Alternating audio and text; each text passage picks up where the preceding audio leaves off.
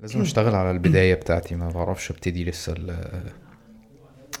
آه، السلام عليكم. صباح الفل على الناس اللي بتسمعنا على Google Podcast وعلى Castbox وعلى iTunes أو أي مكان ممكن آه، تسمعنا أو أي application بتاع بودكاست آه، وعلى الناس اللي بتشوفنا على اليوتيوب. الحلقة بتنزل على اليوتيوب الساعة 8 و audio بتنزل الساعة 7 يوم الحد الحلقة بتاعت by Room Squared. Room, Sp- Room Squared هو آه، مساحة عمل مشترك. آه، بنصح جدا الناس اللي عندها startup أو ال freelancers أو اللي عايزة تذاكر أو اللي عايزة تعمل meeting إن هي تيجي آه، هنا Room Squared تعمل الكلام ده فيه. الحلقة بتاعت النهاردة مميزة جدا. دي الحلقة رقم ستة. مميزة جدا بالنسبة لي لأن أنا لما بدأت البودكاست كان هدفي منه أو واحد من الأهداف منه إن أنا أقابل ناس جديدة ما شفتهاش قبل كده وتبقى فرصة ليا إن أنا أتعرف على آه، ناس جديدة. آه، حلقة النهاردة فيها حد من الناس أنا كنت المفروض أقابلهم من زمان يعني آه، وهو كمان بيقول كده بس آه، إحنا الاتنين ما تقابلناش ودي أول مرة فعلا آه، نتقابل وأول مرة نتقابل هتبقى في البودكاست. آه، ازيك علي. ازيك يا حازم أخبارك؟ عامل إيه؟ كله تمام. انت عامل إيه؟ تمام الحمد لله تمام. ليه ما تقابلناش من زمان؟ آه يعني الأسباب التقليدية ظروف الحياة. يس. هو و- يعني جزء منها خاص ب يعني ممكن تكون المشكلة عندي شوية إن آه أنا زي ما قلت لك آه، أنت محتاج أنت محتاج تبوس المايك مبدئيا. الدرجة دي؟ آه. آه إن أنا عادة يعني مش بقبل أي invitations بسهولة يعني أنا يعني محدد التواصل معايا إلى حد كبير بقلل التواصل معايا بشكل عام يعني ما بحبش دايما أبقى connected زيادة على اللزوم يعني. okay.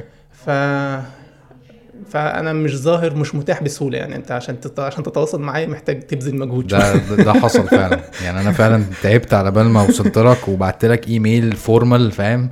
Dear علي مش عارف. Would like to invite you to my أو مش عارف عارف أنت قلت لي إنك حاولت تتواصل على الفيسبوك. أنا فعلا قفلت التواصل الفيسبوك تماما مم. تماما. لأنه كان مرهق نفسيا جدا جدا يعني بالنسبة لي.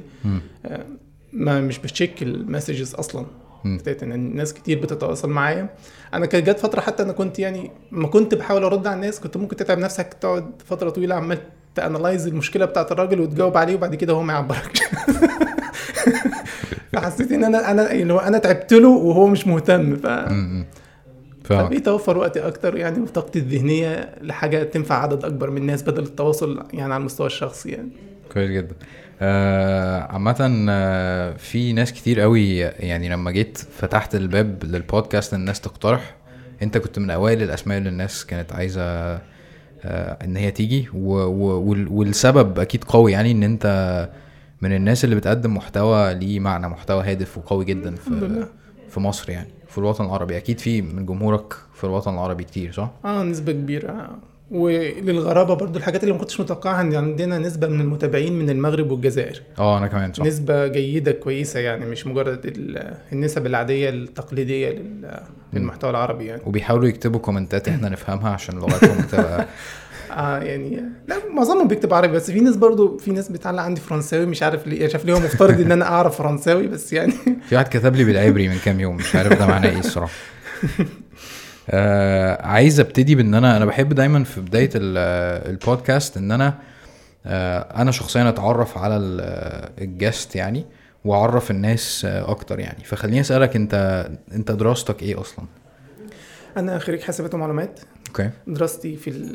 بص لو. هترجع ورا خلي, خلي المايك معاك يعني فاهم خده. خده معاك أنا خريج حاسبات ومعلومات آه يعني شو والمجال اللي اشتغلت فيه في لغاية فترة قريبة واللي يعتبر لسه شغال واللي شغال فيه حاليا بس آه شغل شخصي مش آه مش تبع شركة هو مجال ال development البرمجة عامة أوكي وإن كنت وأنا في الكلية كنت آه يعني بحابب جزء التصميم برضه. فده ساعدني إلى حد ما. يعني بعد ما اتخرجت مباشرة كنت اشتغلت في أكتر من شركة كنت تقريبا ببقى يعني one man team عادة. أنا بعمل ال design وال development بتاعت project معين. طبعا معظمها كانت بتبقى project صغيرة يعني لأن واحد بس اللي قام عليها. بس أنا كنت بحب كده يعني. أنا بحب دايما. يبقى عندي control كامل على ال project يطلع إزاي سواء برمجة أو تصميم. بس لاحقا طبعا يعني اشتغلت في شركات أكبر فيها projects أكبر أنا كنت مجرد واحد من ال team. اللي شغال عليها وكده والمجال ده إلى حد ما هو اللي يعتبر برضو قادني في آه لتوجه القناة الحالي يعني أوكي بس يعني مش عايز أسبق الأحداث لو في لا لا كويس مفيش. مشكلة براحتك خالص آه أنا بس بكتب الأسئلة دي احتياطي يعني مفيش. مفيش سياق محدد يعني آه اللي أنا كنت عايز اساله لك أنت قبل ما أنا أتواصل معاك أصلا أنت أنا مع أنا ما عنديش أي فكرة أنت تعرف عني أو تعرفني أو أي حاجة ولا لأ. آه أو أصلا عندك آه متابع ال community بتاع ال content creators ولا إيه الكلام؟ آه بصراحة مش متابع بشكل جيد بس أنا يعني أنا أنا اتعرفت عليك من خلال أبو زيد. أوكي. من خلال أول مرة ممكن تكون طلعت مع أبو زيد أو تو- تواصلت معاه يعني أو كده. دي. كانت أول مرة في فيديو معايا يعني. آه. آه لكن أنا مش متابع جيد عامة. لمعظم القنوات العربية يعني مش مش متابع جيد بشكل عام أنا أساسا يعني يعني aware أو conscious قوي لل- للمحتوى اللي بتابعه على يوتيوب يعني مش بتابع يعني أول بأول بفلتر مثلا ال subscription list بتاعتي ما, ما. بتابعش أي قنوات والسلام ما بضيفش أي قنوات عندي في ال list وخلاص يعني. ف ما كنتش دايما بتابع حاجة إلا إذا اتعمل لي recommendation فيها أو شفت content فيها أكتر من مرة وعجبني يعني أوكي آه بس بما إن أنا أساسا يعني آه ب search على حاجات معينة content معين معظمه English فأنا already ما باخدش الطريق اللي يخليني أخبط في حاجة عربي م. أصلا للأسف يعني في دي مش ميزة أنا ما بقولش آه. ده مش مش ميزة يعني بس قصدي ده يعني أنا عادة أي طريق بتاخده بيبقى ليه مميزات وعيوب، أنا شايف إن أنت عادة لما بتروح لل content الأجنبي عادة بتبقى فرصتك أكبر إنك تلاقي ال content اللي أنت عاوزه،.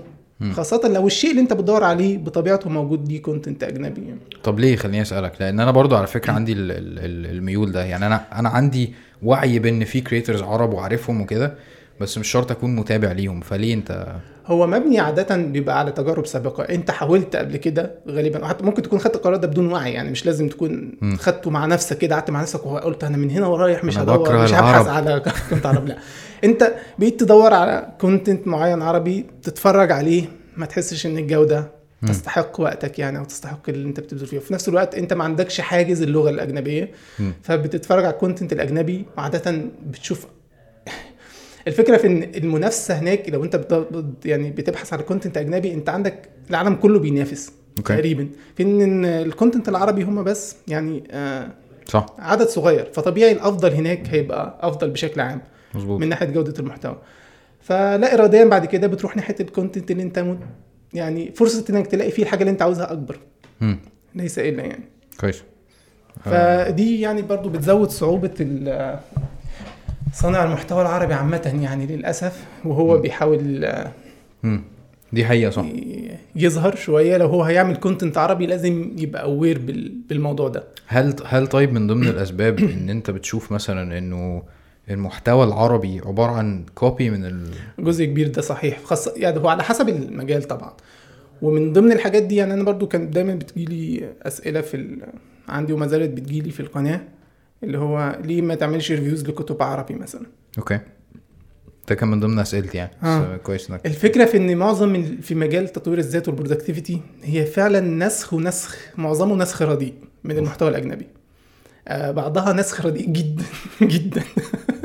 فأنت بتقرأ كتاب. يعني أنا لو أنا هقرأ كتاب واحد مترجم روح للأصل ترجمة سيئة آه فليه؟ ما أنا أروح للكتاب الأصلي وخلاص. أوكي. طالما أنا ما عنديش حاجز اللغة يعني.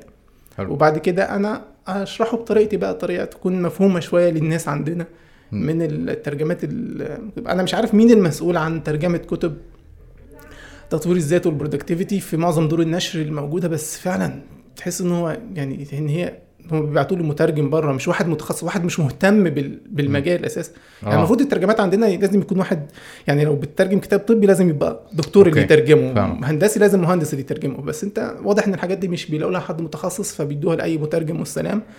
فاساسا بعض الكتب القراءة بتاعتها صعبة العربي لأن هي تحس إن هي عبارات منفصلة ما تحسش إن هي مترابطة مع بعضها البعض يعني. مم. ممكن تقرأ فقرة كاملة وتحس هو هو يقصد إيه أنا مش عارف مع إن أنت بتقرأ عربي يعني. فاهمك. بس ف... آه خلينا أرجع بالزمن كده آه ست سنين تحديدا. آه علشان برضو إيه آه أعرف ناس عليك أكتر. آه لأن أعتقد في ناس كتير ما تعرفش ده.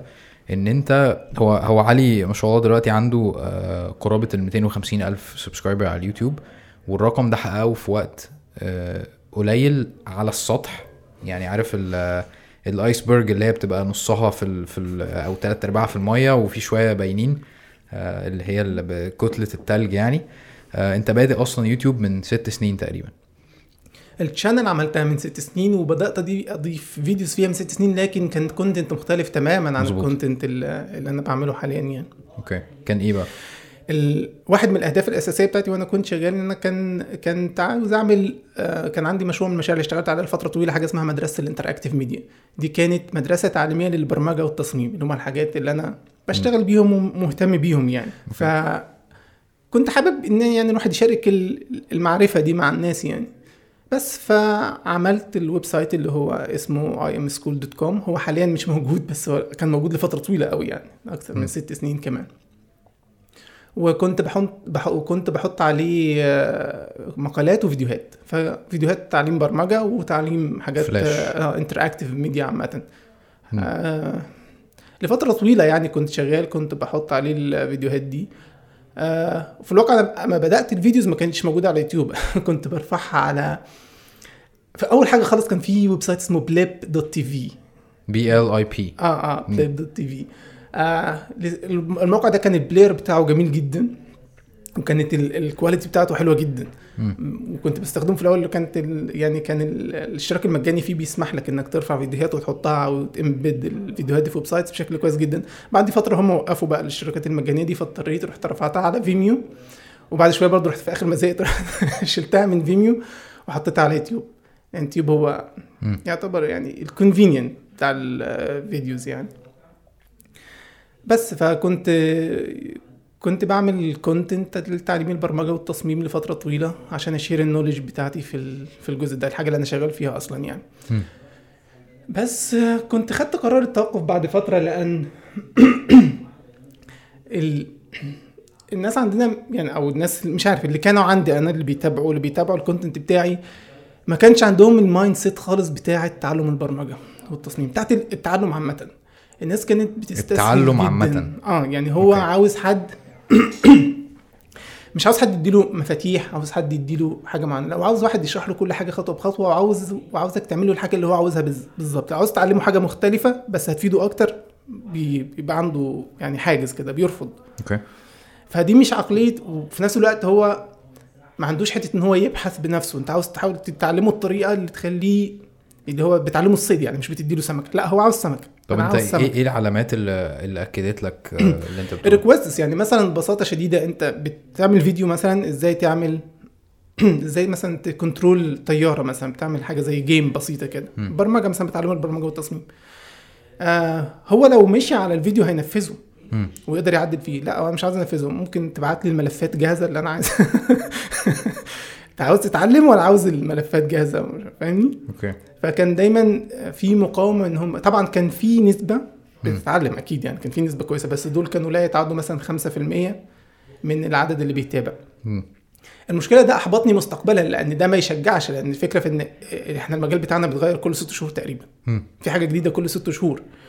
وأنا كده كده كفرد لوحدي مش هقدر أغطي كل الحاجات الجديدة الموضوع بيتجدد بشكل كبير. وأنا أساسا كنت بعمل ده حاجة يعني مش جنب شغلي ده جنب جنب شغلي يعني كنت شغال آه، موظف في شركة وبعمل شغل فريلانس وبعد. كده. بعمل ال- العمل التطوعي ده اللي هو تعليم البرمجة والكلام ده فما لقيتش صدى و... كان آه. هيبقى فيه آه فلو أنت ما عندكش استعداد إنك تتعلم بنفسك مش هقدر أساعدك. اللي أنا بعمله ده تقريبا مش هيبقى ليه فايدة لأن السبب بسيط جدا هو بعد سنتين مش هيبقى اللي أنا علمته لك ده آه، حرفيا مش هيبقى موجود. يعني أنت لازم تستخدمه دل- دلوقتي. آه يعني لازم تستخدمه دلوقتي ولازم تبقى عندك استعداد أنت تستخدمه كبيز للي هتتعلمه بعدين. والحمد لله برضه هو في يعني في ناس اتعلمت يعني في ناس اتعلمت أساسيات لغة البرمجة معايا وبعد كده راحوا يعني كويس. اتعلموا لغات تانية أخرى استخدموها واشتغلوا بيها كمان. فالحمد لله رب العالمين. يعني كان في فايدة العدد بس العدد قليل من الناس. كويس. بس الفكرة إن أنا مبقاش يعني الهدف بتاعي أصلا إن أنا أعمل حاجة كبيرة تخدم عدد كبير من الناس. مم. يعني بقى تنفيذها صعب. وفي نفس الوقت بقى اللي أنا لاحظته إن أنا احتمال والله الناس دي تستفيد أكتر بالمعرفة الأخرى اللي أنا اللي عندي غير البرمجة والتصميم. اللي هي إزاي تتعلم إزاي آه، تبقى برودكتيف إزاي تنجز. مم. يعني أنا بعمل لك الفيديوهات بعد كده أنت بتكسل تشوفها مثلا. مم. طب لا إزاي بقى تبقى لو عندك المحتوى تذاكر وتتعلم وت... وتطور نفسك أول بأول يعني.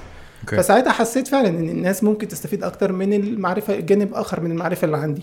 مم. أنا في الأساس كنت بقرأ الكتب دي لأن أنا عندي هدف إن أنا يبقى عندي في يوم من الأيام عندي business خاص بتاعي يعني. okay. تحديدا online business زي ما قلت لك قبل ما نبدأ التسجيل. فكنت بقرأ كتير في موضوع آه، يعني ريادة الأعمال ال entrepreneurship بالذات ال productivity لأن أنا كواحد عنده شغال في شركة ومن وقت للتاني بيعمل شغل مثلا freelance وعندي حاجات تانية فأنا في حاجات كتير عايز أعملها. فلو ما كنتش productive ومنظم مش هقدر مش هقدر أعمل أي حاجة من الحاجات دي خالص فكنت بقرأ كتير جدا في الحاجات دي.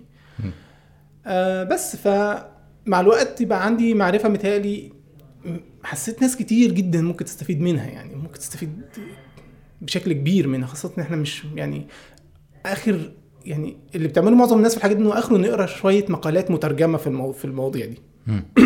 إحنا دلوقتي في شهر إبريل وأنت في شهر إبريل السنة من سنتين بالظبط آه، عملت الفيديو اللي أنت قررت فيه ت... آه، أنا مذاكر خلي بالك آه، عملت فيه الفيديو اللي أنت قررت فيه ت... تطلق ال- channel بشكلها الجديد وطلعت قلت إن دي أول مرة أظهر فيها بوشي. آه، احكي لي عن إحساسك في في اللحظة دي. هو ال... الخطوة دي برضو ما كانتش مفاجأة على فكرة لأن اللي حصل أنا قلت لك إن أنا عندي معرفة في مجال ال- أو في جزئية ال productivity والتعلم والحاجات دي كلها. فأنا كنت بحاول أ share جزء من المعرفة دي عن طريق مقالات على الفيسبوك. وكانت يعني عادة بتلقى رواج وانتشار كبير بين الناس. فده برضو كانت كان مؤشر إن أنا إيه شجعني إن أنا آخد الخطوة اللي بعد كده.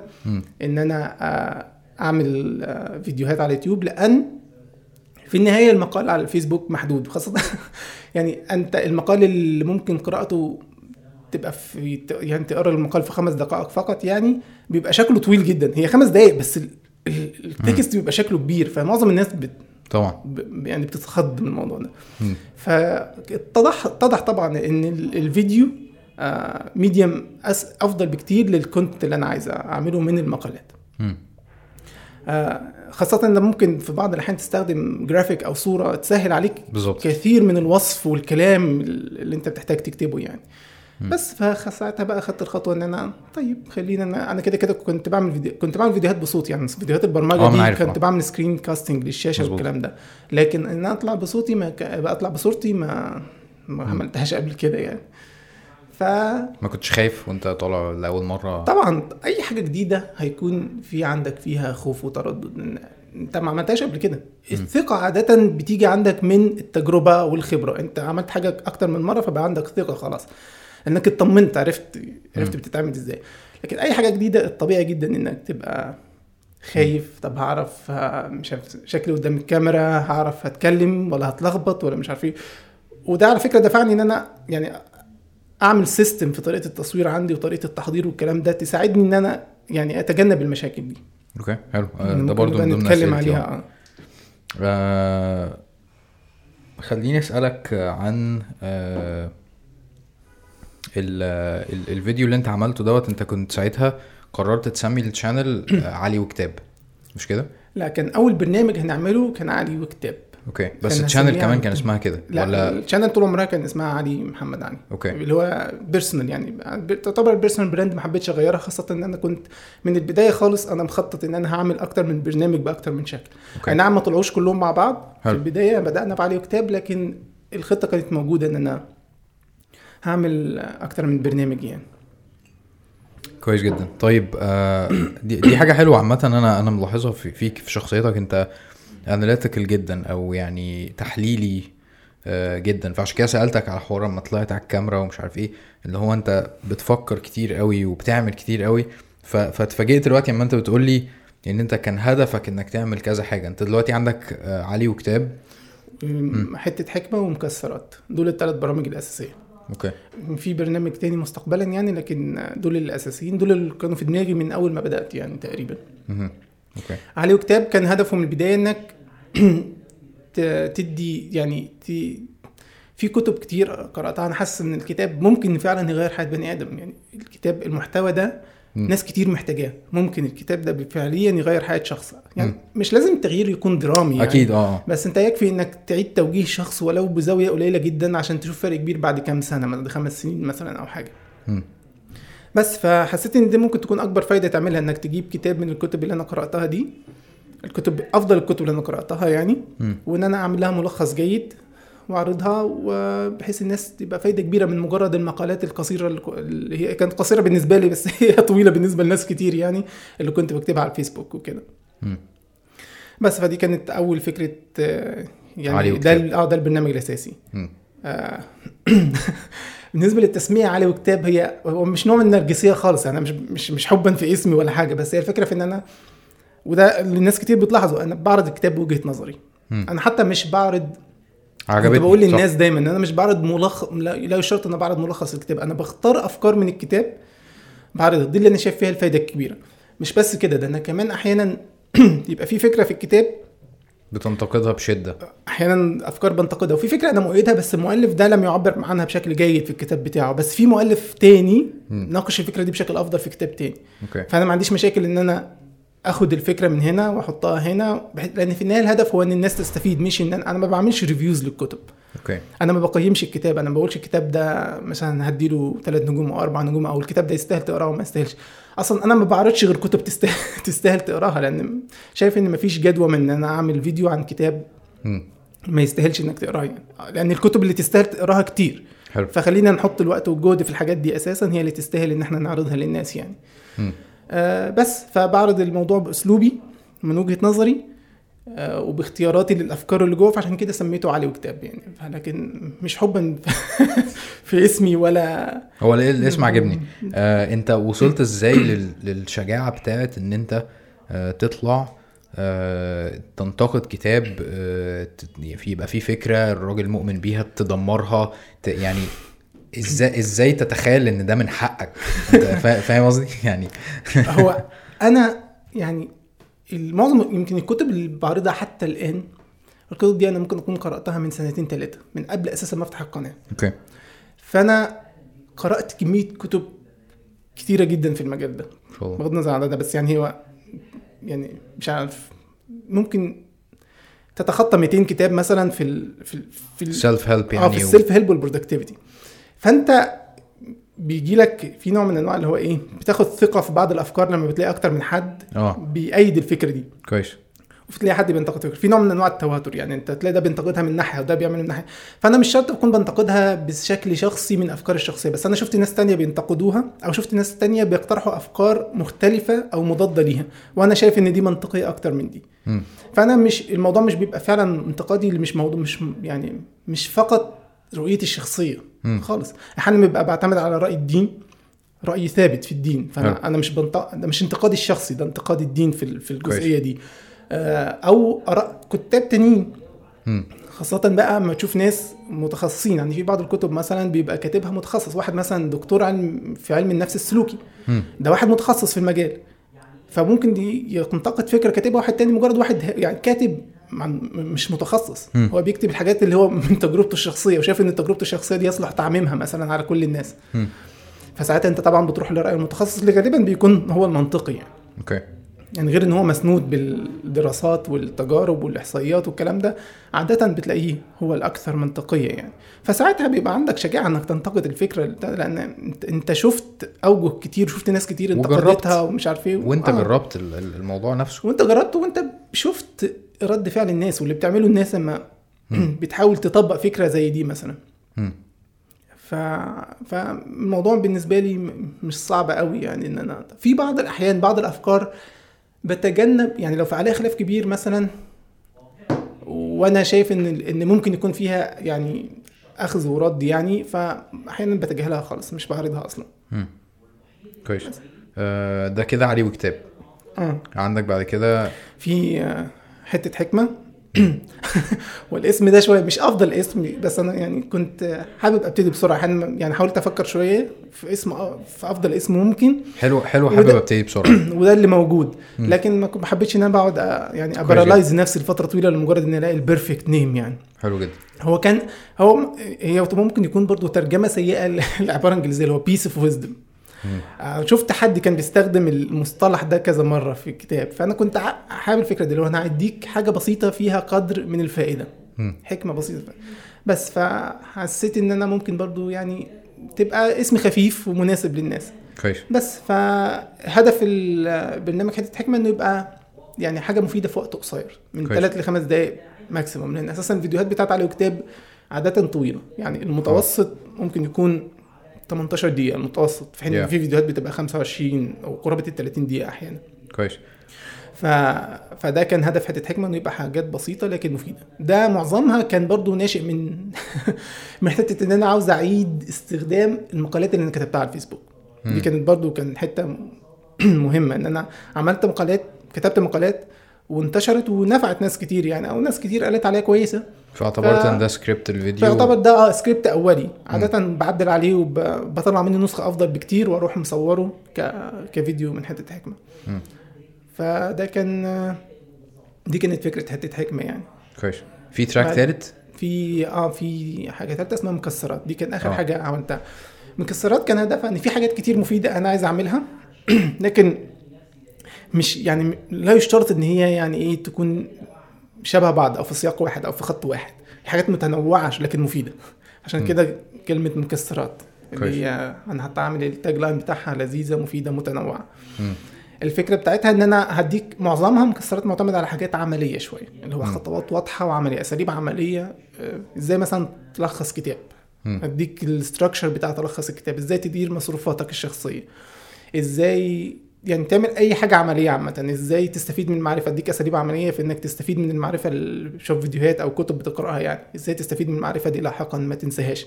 وهكذا. المكسرات عادة معتمدة على ال- المحتوى العملي الواضح اللي هو واحد اتنين تلاتة اعمل كذا اعمل كذا اعمل كذا. كويس. فدي فكرة مكسرات يعني. حتة حكمة علي وكتاب طبعا بيبقى فيه برضو نصايح عملية وحتة حكمة أحيانا بس بيبقى هدفهم أكبر إن هو يغير فكرك أو يغير وجهة نظرك عن حاجة معينة أكتر من إن هو يديك آه. تكنيك معين تنفذه يعني. المكسرات هي اللي فيها طب ده جاي منين؟ يعني يعني أنت دلوقتي أنت قلت لي إن أنا عايز أساعد الناس على سكيل أكبر والكلام ده كله. آه، وذكرت إن أنت عايز بس إيه لو هتساهم في إن الناس زاويتها تتغير شوية. أو تغير فكرة أو كده فده ده كله جاي منين؟ إيه هدفك أصلا؟ هو الهدف الكبير طبعا يعني كان أسباب كتير. واحد منها واحد من الأسباب اللي هو ممكن ما يكونش أهم سبب بس بالنسبة لي كان بيبقى محبط جدا إنك تقعد تبذل وقت طويل من وقتك وعمرك في إنك تتعلم حاجات. بعد كده إما إنك تتعل يعني آه ما تستفيدش منها كلها في حياتك وتموت معاك. يعني أنت لو مت خلاص كل اللي اتعلمته ده. شكرا. صح. ما يبقاش موجود. آه، رغم إنك انت أنت بذلت مجهود كبير وقت وممكن تكون أنت نفسك ما استفدتش من كل اللي اتعلمته. ففكرة إنك تحاول تطلع كل ال- اللي أنت اتعلمته في شكل محتوى ممكن يفضل بعديك ويفيد ناس أكبر دي فكرة بالنسبة لي فكرة يعني فكرة مم. عبقرية يعني فكرة إنك وده اللي أنت هتسأل عنه أول آه. المفروض يعني كمسلم. طبعا هي ال- أنت مطالب بالإصلاح هو ده هدفك في المفروض يكون هدفك الأسمى في الحياة إنك تصلح مم. هدفك ال- أعلى هدف ليك بالنسبة لك إنك مم. تكون إنسان مصلح يعني فده كان جزء بيخدم الفيجن العامة إن أنا أعمل حاجة كويسة في الحياة وفي نفس الوقت إن أنا كان حسيت بنوع من الحسرة زي الواحد قاعد مثلا يدخر مال لفترة طويلة من الحياة بعد كده مات من غير ما يعمل حاجة بالفلوس دي مثلا. شيء مؤسف جدا يعني. السبب التاني إن أنا زي ما قلت لك حسيت إن ممكن يكون آه يعني زي هو مشاركة المعرفة والإصلاح ده ال- الهدف العام والأهم يعني. كويس. بعد كده حسيت إن ممكن يبقى ده منصة لحاجات تانية أنا أعملها بعدين. أوكي منصة جيدة إنك اولا تجذب الناس اللي هي مهتمة بإن هي تنجز في حياتها إن هي تعمل مشاريع مهمة في حياتها إن هي تحقق أهدافها. اللي هم الناس اللي هم عادة إيجابيين أو عندهم الرغبة في إن هم يبقوا فاعلين مش مجرد يعني عايشين كده والسلام يعني مم. بس فحسيت إن أنا ممكن لاحقا يعني آه، أستفيد من ال community ده في حاجات تانية مم. يعني بعد كده بالتدريج الموضوع بدأ معايا حتى فكرة إن أنا ممكن أستغل الموضوع ده ك يبقى هو ال يعني هو ال business البديل بتاعي إن. أنا أبني حاجة كبيرة شوية يعني حاجة تفيد الناس و... وتفيدني في نفس الوقت حلو يعني حتى حاولت بعدين أدمج معرفتي في البرمجة ده شغلي برمجة وتصميم يعني في حاجات عايز أعملها فكان دايما المشكلة في ما تيجي تواجه أي حد بيعمل حاجة في ال development للناس هي إن أنت ممكن تعمل product كويس جدا بس ببساطة ما عندكش الجمهور مم. اللي تخليه يستخدم ال product ده في دايما لازم يوصل عدد معين من الناس عشان يبتدي الموضوع مم. ينتشر وينجح يعني. بس فكانت فكرة بقى إن أنت بقى عندك community كبير ممكن تعتمد عليه في إنك تبني له product يفيده بشكل كبير. كان فكرة جيدة وكان سبب من الأسباب برضو اللي مخليه الواحد آه، يستمر في الموضوع أو يحس بفايدة الفكرة. ان الفكرة دي تستاهل إنك تستثمر فيها لفترة أطول. يعني أنت دلوقتي آه أنت كنت شغال في شركة صح؟ كنت شغال في شركة آه. طيب حاليا الكسب بتاعك الرئيسي أو الدخل الرئيسي جاي منين الخطة بعد ما بدأت كنت أعمل كده إن أنا إن أنا أركز في قناة يوتيوب. أنا كانت الخطة إن أنا هشتغل فيها لفترة طويلة لغاية ما أعمل أول course ال- ال main ال planning الأساسي بتاعي إن أنا ال income هيجي من خلال الكورسات اللي هعملها ده انت عامل حساب كل حاجة يعني انت مخطط آه. ف- ما شاء الله هو. كونك مبرمج كونك مهندس هي دي من ضمن الحاجات حتى اللي إحنا بنقولها للناس إن انت اتعلم برمجة أو علموا ولادكم البرمجة مش شرط عشان تشتغل مبرمج مم. مش شرط عشان تشتغل مبرمج بس هي تعلمك طريقة التفكير التحليلي المنطقي يعني هي هتأثر على طريقة تفكيرك هتبقى واحد دايما غاوي حل مشاكل مش حبا في المشاكل بس أنت مش من النوع اللي لما تواجه مشكلة تروح تقف لا ده أنت تبتدي تلقائيا تلاقي مخك بيفكر في الحلول اللي ممكن تعملها التحديات اللي بتواجهك إيه اللي ممكن تعمله عشان توصل لكذا. مخك دايما بيشتغل بالطريقة دي. كويس. دايما بتدور على حل للحاجات ال- اللي بتقف قدامك أو اللي أنت عاوز تعملها يعني. مم. بس فطبيعة مجال شغلي ومجال اهتمامي وكده فأنا بطبيعتي بفكر بشكل بالشكل ده يعني. okay. بس فكان ال- الخطة الأساسية إن أنا هعمل course. courses. online حلو. وان كان الخطة دي اتأخرت شوية لأن القناة نجحت أكتر من أو يعني مش أكتر من لازم قصدي أسرع مما توقعت لما آه. آه. غيرت ال content. المحتوى تطوير الذات يعني أنا الخطة الأساسية عندي كانت إن أنا أعمل أول كورس أو أنشر أول كورس مثلا لما عدد المشتركين يوصل 20000 مم. أنا أول كورس نشرته بعد ما تقريبا تخطى 200000 ال- ان شاء الله عدد المشتركين يعني بس فهو لما كان في قبول كبير آه ده تطلب إن أنت فده تعمل تطلب إن أنا أعمل content بقى لا الناس مهتمة بقى في أكتر. وبقى بقى في مصدر تاني ممكن يصبرك شوية اللي هو Patreon إن أنت أنا أنا منعت عندي الإعلانات على القناة. بعد كده رحت حسيت إن Patreon بديل كويس وقلت مش مشكلة لأن في النهاية برضو أنا الخطة الطويلة المدى بتاعتي. هي الكورسات. كويس جدا.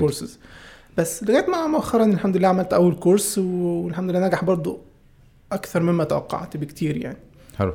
آه أنت يعني أنت ما بتعملش حاجة freelance أنت بس يوتيوب آه، لا كنت بعمل freelance لغاية فترة قريبة جدا جدا جدا يعني. كنت بشتغل شغل freelance مع مع شغل مع قناة يوتيوب مم. بس بعد كده رحت موقفه لأن أنا دلوقتي عندي تصور أكبر للقناة. اللي هو عندي تصور أكبر للقناة مجرد جزء منه. قناة يوتيوب هي جزء ليس إلا مم. جزء واحد من أربع أجزاء لحاجة أنا بسميها منصة الإنجاز. كويس. كنت عملت عنها فيديو مخصوص وكده. طبعا. آه. فأنا دلوقتي. شايف إن في فكرة كبيرة أو فايدة كبيرة ممكن تحققها بإنك تعمل تولز للناس تستخدمها الناس اللي هي عايزة تنجز في حياتها. بشكل عام عايزة آه، عندها مشاريع عندها أفكار لأن برضه من ضمن الحاجات الأسباب ال- فكرة الإصلاح يعني أنت إزاي هتساعد الناس على الإصلاح من خلال ال- القناة بتاعتك دي مش فكرة إنك بس بتدعوهم إن هم يبقوا ناس إيجابيين أو كده أنت لو شجعت واحد إن هو يعمل مشروع هو م. كان بيأجله لفترة طويلة أو خايف يعمله ده إنجاز كبير جدا. أنت نفسك ما عملتش المشروع بس أنت كان ليك أثر في إن في مشروع يتوجد. مم. أنت كان ليك أثر في أو يعني كنت واحد من الأسباب يعني بعد توفيق ربنا إن مم. إن المشروع ده يبقى موجود. كويس. ففكرة إن أنت تقدر تحقق أكبر عن طريق مساعدة الناس. مم. الناس دي هتنفذ مشاريعها التانية وكده يعني. أنت إزاي آه، خدت القرار؟ لأن دي حاجة حاجة مخيفة جدا. إنك تقرر إنك تسيب آه، حاجة أنت ضامن إن هي بتجيب فلوس آه، وتنط في إن أنت تعمل ال ال آه، اليوتيوب أو إن أنت تلجأ لباتريون أو مش عارف إيه. هو هو ما كانش قرار مفاجئ بأي شكل ده قرار بتحضر له فترة طويلة. أنا حتى بنصح ناس ما كتير من معرفتنا بيك مفيش حاجة مفاجأة خلاص يعني. هو حتى ناس كتير لما تيجي تنصحني إزاي تسيب حاجة أنت ممكن تبدأ دلوقتي تخطط وتعمل عشان تسيب شغلك بعد خمس سنين. أوكي. فاهمني؟ بس أنت لو ما بدأتش دلوقتي عمرك ما هتاخد القرار ده لأنه دايما هيبقى صعب. لو. خ... لو, لو أنت متخيل إن القرار ده هتاخده مرة واحدة هو قرار محتاج شجاعة مثلا؟ لا هو مش محتاج شجاعة هو محتاج تخطيط عشان ما تلبس في الحيط يعني. مثلا ناس كتير سابت شغلها فجأة ويلا وهنعمل المشروع والمشروع ده هينجح. أنت مش ضامن المشروع ده ينجح امم دايما ننصح الناس أنت اثبت لنفسك الأول إنك قادر. مم. برضو من ضمن الأسباب ال- ال- في نوع المحتوى اللي أنا بقدمه على القناة إن أنا كنت محتاج أثبت لنفسي إن أنا يعني أقدر أعتمد على نفسي لو بشتغل بشكل مستقل. okay. لأن أنا جربت قبل قبل قبل ما أسيب الوظيفة أنا جربت ما أسيب الشركة لمدة سنة واشتغل freelancer بس لمدة سنة. مم. ما بقاش مرتبط بشركة. وكان أدائي مش كويس أنت قصدك من حيث إن أنت هل هتلاقي الحافز هل هتلاقي انتاجيه اداره. نفسك مم. وإنك تبقى برودكتيف كويس لو أنت مفيش مفيش مدير بيجي يراجع. وراك لو أنت مش ملتزم مع حد مم. هل هتنتج بنفس القدر؟ هل هتحافظ على الاستمرارية؟ لأن في النهاية أنت موظف في الشركة في حد أدنى لازم تأديه من الشغل، كويس يعني مش هتقدر تتخلى عنه عشان ما تحرجش نفسك عشان ما تحطش نفسك في موقف سيء أو كده. لكن لما تبقى مفيش حد مدير، مم. مفيش حد بيلزمك بحاجة، هل وقتها هتقدر فعلا تلتزم ولا. لا؟ فادائي خلال السنة دي ما كانش ما كانش أفضل حاجة. فده اللي خلاني أستمر في القراءة في موضوع البرودكتيفيتي والتنظيم والتخطيط. عشان عشان لما في تاني محاولة. أقدر آه يعني يبقى. أقدر أحقق النتيجة اللي أنا عاوزها يعني كويس آه بس فأنا من الأول إن أنا بخطط في يوم من الأيام كده كده ده هدف من أهدافي إن أنا مبقاش مرتبط آه بشركة أنا مبقاش موظف في شركة يعني مم. ف أما خدت القرار برضو كان قرار مؤقت اللي هو أنا معايا مدخرات لمدة ست شهور. حلو. آه، أقدر أعتمد عليها. فأنا قلت أنا هجرب الموضوع ده ه invest فيه لغاية ست شهور. ودايما هو بيقول لك أنت بتعمل إيه ال worst case scenario أنا ماشي هشتري كاميرا بمبلغ كذا هعمل أدوات مبلغ كذا وهصرف مصاريف الشهر مبلغ كذا. ال worst case scenario إن أنا مش هعمل أي فلوس خالص والكاميرا دي ممكن هبيعها بخسارة لاحقا لو الموضوع فشل تماما مثلا. وفلوسي هتخلص؟ آه. بس قول قول عادي. طيب ماشي. شكرا. عليك بس في النهاية أنا دي خسارة يعني أقدر أتحملها. كويس. أنا مش هست... طالما مش هستدين من حد طالما. مش عارف إيه طب والشغل موجود يعني الحمد لله يعني أقدر أرجع أشتغل سواء freelancer. أو أشتغل في شركة. يعني مم. ال skills موجودة كده كده أقدر أتعلم skills جديدة update نفسي بال skills الجديده وأقدر أرجع أشتغل حلو هي risk بالتأكيد معناها إن أنت مش هترجع يعني أكيد هتبقى خسرت فلوس مم. بس في النهاية risk تقدر تستحملها. ما هو انت لو حلو. في النهاية هيفضل في risk. أي حال من الأحوال هيفضل في risk دايما. بس في حاجة اسمها risk محسوب و... وإن أنت calculated risk إن أنت تقدر تجر... دايما اعمل ال risk اللي يسمح لك إنك تحاول مرة تانية لو فشلت. ال risk اللي هو لو فشلت خلاص هتتدمر. دي دي risk. ما. ما انصحش أي حد إن هو يعمل دايما. اللي هو الناس اللي بتستدين مثلا عشان يفتح مشروع. أنا دايما بحس إن ده صراحة مخاطرة كبيرة جدا. جدا جدا يعني. ما تعملش كده. ما أيوه. تستدينش عشان تفتح مشروع. يعني أنت قصدك إن ال risk أنت بيبقى معاك أدواتك أنت اللي بت... بتخاطر بيها سواء أدوات بالظبط. وقت أو فلوس أو أو ايا آه كان بالإضافة لجزء تاني برضو إن أنت بتبقى ال project كله معتمد عليك يعني مم. مش محتاج تعتمد على أشخاص يخذلوك مثلا. okay. أو ما منطقي. أنت ممكن أنت تقول الناس دي تبقى هتأدي اللي أنا عاوزه منها بالظبط مش شرط. فال ال- المشروع كله أو الفكرة كلها كانت معتمدة عليا إن أنا هأدي بالشكل ال- بالشكل الفلاني. لو ما نجحتش دي الخسائر المحسوبة. خلاص الموضوع مقبول مقبول. خلاص يلا بقى. okay.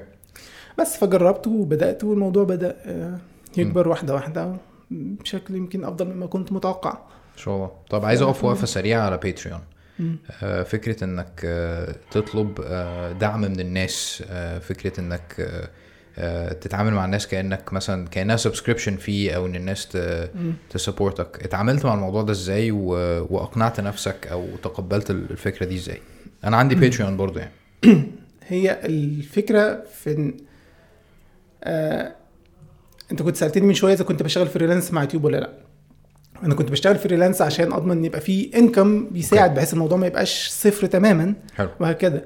فأنا شفت إن الأفضل ليا وللناس اللي عندها قدرة إن هي تدعم مم. إن لو آه أنا دايما بتعامل معاهم كأنهم فعلا ودايما بقول لهم كده في الفيديوهات إن هم أنتوا شركاء في المحتوى. إحنا الشركاء إحنا بنعمل مع بعض محتوى. زي ما زي حد كده داخل مشروع في حد داخل براس مال مثلا وحد داخل بالمجهود. مم. في النهاية الاثنين شركاء فعلا. أنت سبب في وجود المحتوى ده. لو أنت لو ما فيش Patreon أنا تقريبا كنت هعمل نص أو أقل من نص المحتوى اللي أنا بعمله حاليا. okay. أو اللي كنت بعمله فأنت وجودك سبب في تقريبا في نص المحتوى الآخر اللي تم بإضافته مم. فلو أنت عندك المقدرة على المشاركة لو أنت حابب تشارك في في المحتوى ده وعلى فكرة دي وجهة نظر ناس كتير حتى من اللي هم الناس اللي هم أكبر ال patrons اللي عندي اللي هم بيدعموا بمبلغ كبير شوية هو بيقول لي أنا المحتوى اللي أنت بتقدمه ده يعني مفيد جدا وعاجبني وأنا كان نفسي أعمل زيه بس أنا ما عنديش. القدرة فأنا هشارك بال- باللي أقدر عليه حاليا إن أنا أدعمك ماديا وأنت تعمل ال content ده حلو. في ناس عندي بتقول كده فعلا. فاهمني؟ آه. فالفكرة في كده فان أنت هو بيشارك في صناعة محتوى بيشارك مشاركة حقيقية مش رمزية. هو مم. فعليا أنت هو الدعم اللي بيقدمه أو الرعاية اللي بيقدمها بتسمح لك إنك تدي وقت أكبر. لل لصناعة المحتوى اللي أنت بتعمله. بيسمح لك تحدث أدواتك بيسمح لك تح- تعمل حاجات كتير. ف فهي بالطريقة دي آه، بالنسبة لي ما فيهاش أي مشكلة خالص. أنا قلت لهم حتى بقول للناس اللي عاوز يرجع في رأيه ويسترد المبلغ اللي دفعه أنا ما عنديش أي مشاكل مم. يراسلني في رسالة خاصة وأنا ما عنديش مشاكل فأنت عادة خلي بالك الناس اللي هتجيلك على البيترون دايما هي أكتر ناس متفهمة صح صح. وهي أكتر ناس فاهمة أهمية الموضوع فعادة اللي هيعترض هو شخص عمره ما هيدعمك أصلا على البيترون مم. مم. فأنت مش محتاج يعني مش محتاج تشغل بالك بنظرة شخص هو أصلا كده كده مش هيدعمك يعني كويس. هو هو نص مش هيدعمك فاللي بيدعموك أكتر يعني فعلا أكتر ناس متفاهمين حتى متفاهمين لو اتأخرت ح... يعني بتلاقي ناس لو اتأخرت أحيانا في الفيديو تلاقي ناس عادية ممكن تقعدوا بيشتكوا منك أو حاجة أو بينتقدوك لأنك اتأخرت شوية في الفيديو بتوع بيترون ما عندهمش مشاكل مع أي حاجة هم عارفين. صعوبة اللي أنت بتعمله عارفين. أهمية اللي أنت بتعمله فهم متفاهمين جدا. ف يعني الموضوع كان كالعادة برضه هو بالتأكيد كان شيء جديد أنا ما كنتش عارف إن هو هي هينجح ولا لأ هيجيب دي م... يعني دي نقطة ممكن نرجع نتكلم فيها بعدين برضه لأن أنا عايز أتكلم لو اتكلمنا في موقف عن ال- المشتركين بتوعك على يوتيوب ما تهتمش ما تشغلش بالك لو أنت بتعمل قناة على يوتيوب ما تشغلش بالك بعدد المشتركين أكتر ما تشغل بالك بنوعية المشتركين لا فعلا في قناة ممكن تبقى 10000 مشترك بس بتلاقي دعم كبير ليها على بيترون مثلا مم. وقناة تانية مليون ولا حد معبرها صح. فأنت أنت بتجذب أي نوعية من الناس مم. انت بتجذب اي نوع من الناس. الناس اللي هي بتقدر ال content بتاعك وفاهمة قيمته فبالتالي مستعدة تشاركك في صناعته أو تدعمك. ولا الناس اللي هي مجرد أنت بس قاعد شغال مع ال trends وعمال تحط بقى تطبق الأساليب اللي بينصحوك بيها تقعد تعمل titles catchy وغريبة وتصير فضول الناس عشان بس تكتر ال views وال subscribers بس بيجيب لك ناس أصلا مش فعالين لدرجة إن هم ما بيشوفوش الفيديوهات بتاعتك بعدين اللي بترفعها. صح. تلاقي نفسك قناة فيها مليون subscriber وال average view count بتاع الفيديوهات 20 30 ألف منين مليون subscriber و 20 30 ألف مم. على الفيديو لمدة أسبوع الفيديو يفضل موجود على القناة و20 ألف view في ساعات أقل من كده أنا شفت قناة أقل من كده. مم. فنوعيه المشتركين أهم بكتير بكتير من من عددهم يعني. فالحمد لله برضو من ضمن الحاجات اللي أنا ده اللي أنا بسميهم true fans دول يعني أنا مثلا أنت قلت إن في البداية إن أنا عندي 250 ألف مشترك. صحيح لكن ال true fans اللي أنا بعتبرهم دول تقريبا بالكتير 10% 25000 دول اللي أنا بعتبرهم دول ال... دول المشتركين الحقيقيين بتوع دول 25000 دول هم فعلا الناس اللي بيتابعوا القناة بتاعتي. رقم كبير جدا برضه يعني. 25000 ده رقم كبير جدا جدا. هما كالعادة للأسف ما إحنا لما بنتعود نتعامل مع الأرقام على الشاشة صح. بننسى دايما إن جدا. وراها ناس كتير. جدا. أنت ال 25000 دول لو شفتهم في مظاهرة هتتخض. صح. صح. أنا عامة أنا أول بودكاست نزلته آه، كان مع أحمد الباز آه، يعني بين لي قد إيه الجمهور بتاعي عنده استعداد يتأقلم ويتابع وعنده وعي وفاهم البودكاست كان ساعتين وشوية و... و... ونازل فيديو و... وبتاع وأنا اتفاجئت بإن هو دلوقتي تقريبا داخل على ستين ألف view مثلا ولا حاجة. وبتشوف ال analytics بتلاقي إن الناس بتتفرج على أكتر من نصه. فيعني يعني فعلا الأرقام يعني أنا أقل من 200 ألف حاليا يعني. فالأرقام زي ما أنت بتقول فعلا ما تشغلش بالك بال بالأرقام دي خالص. يعني. آه، بتحط لنفسك ضغط يعني بتخليك تسعى في الاتجاه الغلط تماما. صح. الاتجاه الخاطئ تماما. يعني في قنوات بتقدم نفس المحتوى اللي أنا بقدمه يعني في نفس الاتجاه يعني. مم. في نفس اتجاه المحتوى اللي بقدمه. بعد كده تشوف مثلا عنده عدد مشتركين ممكن ضعف عدد المشتركين اللي عنده عنده نص مليون. بعد كده تشوف مثلا عدد الداعمين على باتريون تلاقيه أقل من اللي عندي. صح. يعني واحيانا أقل بفرق كبير. فالمشكلة ليه بقى؟ واحدة من الأسباب التانية برضو. تلاقي مثلا لو دخلت على القناة وقعدت تعمل اناليسيس شوية للقناة تلاقي إن هو عنده فيديوهات معينة هي اللي آه. ضربت جابت ملايين المشاهدات. ليه؟ لأن عناوينها أنا ما عنديش مثيرة ما عنديش للفضول ولا فيديو went viral إيه الميزه الميزه فعلا. أنت عارف أنا الفيديو في عندي فيديو هو الواحد اللي أقدر عليه أقول عليه إن هو ضرب مرة واحدة يعني عمل كان فيديو تخطيط وحاجات زي كده. المشكلة إن الناس اللي بتجيلك من نوع الفيديوهات ال viral دي دايما بتتوقع إن أنت ما بتعملش غير النوع ده من الفيديوهات. مم. فدايما هو عاوز النوع ده من الفيديوهات. اللي هو أنت إيه ده أنت عملت فيديو أنا مش م... يعني أنت مثلا ناس متوقع إن كل فيديو عمله لازم يكون عن كتاب. فلو الفيديو مش عن كتاب يعمل dislike أو ما يشوفش الفيديو. فيقلل الفعالية على القناة بتاعتك وده ممكن يأثر عليك إن أنت تغير محتواك أصلا. بالظبط. برضه واحدة من المشاكل إنك ال... هم بينصحوا بيها الناس لو أنت شفت أي كورس يعلم الناس إزاي يبقوا YouTubers إزاي مش عارف يعملوا إيه. يقول لك دايما أنت ممكن تجرب الحاجة بعد كده تشوف إيه اللي بيسمع مع الناس مم. وتعمله. أنا معاك إنك محتاج تاخد ال feedback بتاع الناس وتشوف إيه اللي بيعجبهم كده بس إنك تحدد ال content بتاعك على أساس. مم. المفروض أنت عندك رسالة بتعملها بتقدمها. هتخسر نفسك. آه يعني الهدف مش إنك تبقى YouTuber. الهدف إن أنت عندك content عندك حاجة عاوز تعرضها فبتروح تستخدم اليوتيوب كوسيلة لعرض ال content ده. بس فكرة إن أنا عايز أبقى YouTuber بغض النظر أنا بتكلم على الكورة أو بتكلم في السياسة أو بتكلم في الدين مش فارق معايا بتكلم في إيه بس المهم أبقى YouTuber وعندي subscribers ده مش مش توجه صحيح ابدا إنك تمشي فيه وه- وهيتعبك نفسيا جدا. لاحقا محاولة إرضاء الناس دايما. دايما مجهدة مجهدة لأن لو أنت عندك توجه معين عندك خطة معينة ماشي عليها وعارف إن ده المفيد للناس حتى لو مش هو اللي بيطلبوه. فما فيش مشاكل أنت هتبقى متسق مع نفسك وأنت بتعمل المحتوى ده وما تشغلش بالك بعدد السبسكرايبرز بتاتا دي حاجة فعلا مرهقة على الناس اللي عايزة تعمل محتوى آه، هادف. ودول الناس اللي أنا بقدرها جدا وببقى حاسس بيها لأن أنت بسهولة ممكن تقارن نفسك بحد تاني تلاقيه عنده 400 ألف ولا 600 ألف ولا مش عارف إيه وتبتدي تحس إن أنت آه، طب أنا ببذل كل المجهود دوت وبدعي إن أنا ب- بعمل حاجة مفيدة وهادفة ومش عارف إيه وبلاقي في الآخر إنه الفيدباك أضعف بكتير جدا يعني. فتقول للناس دي إيه؟ وأنا منهم.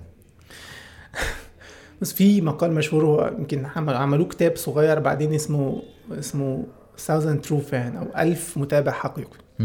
الفكرة دي كان واحد مقال كتبه واحد مشهور يعني شغال في ال marketing أو حاجة. وبعد كده الفكرة انتشرت ناس كتير. خلي هدفك إنك يبقى عندك ألف متابع حق حقيقي. ناس مهتمة فعلا بال... بالمحتوى اللي أنت بتقدمه. الألف اللي هم لما لو رفعت فيديو الألف دول هيشوفوا الفيديو ده. okay. وما تشغلش بالك بعد كده. بأي حاجة تانية. ما تشغلش بالك بعد كده لأن الناس دي هتساعدك أساسا في إنك آه، تكبر. حتى لو بالتدريج حتى لو ببطء هتج... يعني دايما ركز على ال true fans بتوعك الناس اللي هم اللي هم هيشوفوا الفيديو بتاعك حتى لو ساعتين. مش اللي هو بيتعامل معاك بي- يعني مش عارف بالشوكة والسكينة اللي هو تحس إن هو أساسا بي يعني بيتابعك عشان يقيمك مش عشان يستفيد منك أو مش عشان أنا من النوع ده يعني في ناس كتير عندي مثلا اللي قاعد بيعلق يقول لي المرة الجاية تعمل كذا وتعمل كذا وتعمل كذا. بعدها الحاجات ما لهاش علاقة بمحتوى الفيديو. مم. ماشي أنا ما عنديش أنا مقتنع تماما إن أنا عندي الصورة ممكن تبقى أفضل الصوت ممكن يبقى أفضل أدائي ممكن يبقى أفضل مم. في, ال... في وأنا بتكلم في الفيديو. أنا متأكد من كده. أنا ممكن أطلع عيوب أكتر من اللي أنت مطلعها بكتير. أنا اللي بعمل المحتوى أنا عارف. مم. مشكلتي إيه؟ عارف مشاكل كتير مشاكل أنت مش شايفها أصلا. مم. فلكن في النهاية يعني مش لازم نبقى perfect مش الهدف إن إحنا نعمل أحسن فيديو في الشكل أو في الصناعة. المهم الناس بتستفيد ولا لا لأن ده الهدف الأساسي بتاع المع... اللي إحنا بنعمله كله مم. أنا بجيب أحسن كاميرا بجيب أفضل مايك عشان ده بيساعد شوية في إن الرسالة توصل مم. بس لو في النهاية المحتوى نفسه ملوش لازمة يبقى خلاص okay كل حاجة تانية ملهاش لازمة مم. فأنت ركز على الناس اللي هي بت... بتقيم المحتوى بتاعك مم. اللي هي يعني عارفة قيمة المحتوى اللي أنت بتعمله و... وركز فعلا إزاي تفيد الناس دي مم. إز... يعني واحدة من الحاجات اللي بتواجه ناس كتير برضو في الفيديوهات واللي واجهتني. هل أنا بعمل فيديو لأن أنا مضطر أعمل فيديو كل أسبوع؟ ولا لأن في حاجة تستحق إن أنا اعمل لها فيديو؟ يعني هل أنا دلوقتي أنا لزمت نفسي مثلا ب... بفيديو كل أسبوع. بس لحد ما أنا تقدر تقول إن أنا قعدت قعدت خمس سنين قبل ما أفتح القناة بحضر كونتنت مش مش قصدي كنت بعمل كده بوعي لا أنا كنت طبعاً. بقرأ لا لا ما كنتش بعمل كده بوعي أنا ما كنتش عارف إن هفتح قناة أنا قصدي إن أنا قرأت كتير جدا في الحاجات دي وشفت حاجات كتير جدا وبتعلم أول بأول ده طبيعي أنا لو يعني جزء من التسلية بتاعتي إن أنا أشوف ال techniques بتاعت بتاعت ال productivity بتاعت ال planning بتاعت انت عارف لما بتحب حاجة لدرجة إن هي بعد كده بتبقى. هي بتبقى نوع من أنواع التسلية بتاعتك فأنا ما عنديش مشاكل في إن أحضر content جديد إلى حد. ما ما عنديش أي مشاكل في الموضوع ده بس في النهاية لو حسيت إن مفيش فايدة كبيرة يعني من ضمن الحاجات اللي ممكن هنعلنها قريب في القناة وهتزعل بعض الناس إن أنا مش هعمل فيديوهات في رمضان الجاي ده. أنا شايف إن يعني الفترة دي أنا هاخدها اعيد هيكلة بعض الحاجات عندي واحضر لمنصة الإنجاز اللي قلت لك عليها دي واعمل حاجات تانية كتير. لأن مش الهدف إن إحنا نعمل content على طول. صح. مش الهدف إن إحنا نعمل content جديد جديد جديد. يعني في ناس دايما يقول لك اعمل ح- يعني عاوزين حاجة جديدة عاوزين حاجة جديدة. أنت المشكلة لما المعرفة تتحول مع الوقت لنوع من أنواع التسليه اللي هو دايما قاعد. بتفرج على الجديد في المجال ده بس مش بهدف إن أنا أطبقه أو أستفيد منه. okay. فقط ب... يعني بأشبع فضولي بمتابعة الحاجات دي ليس إلا. حلو. بس ف أنت كنت عملت أصلا الموضوع ده قبل كده؟ يعني أنت جيت من فترة وقفت تقريبا أسبوعين أو آه، شهر. وقفت شهر قبل كده وتوقفت شهر عشان أحضر حاجة أهم اللي هي كانت كنت عايز أشتغل على course التخطيط ال course اللي عملته بالفعل. كويس.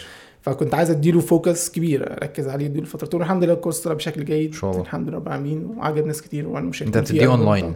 هم؟ بتديه اونلاين آه آه هو اونلاين يوديمي على يوديمي أصلا يوديمي آه. okay أنا الكورسات اونلاين بالنسبة لي بصراحة يعني مميزاتها أكبر بكتير من دلوقتي يعني بصراحة من ال course اللي هو وجها لوجه اللي هو هيخدم عدد كبير من الناس هيوصل لعدد يعني لو أنا عامل ال course ده آه، في مكان معين ممكن واحد يبقى في القاهرة في الجيزة وما يقدرش ياخد ال course.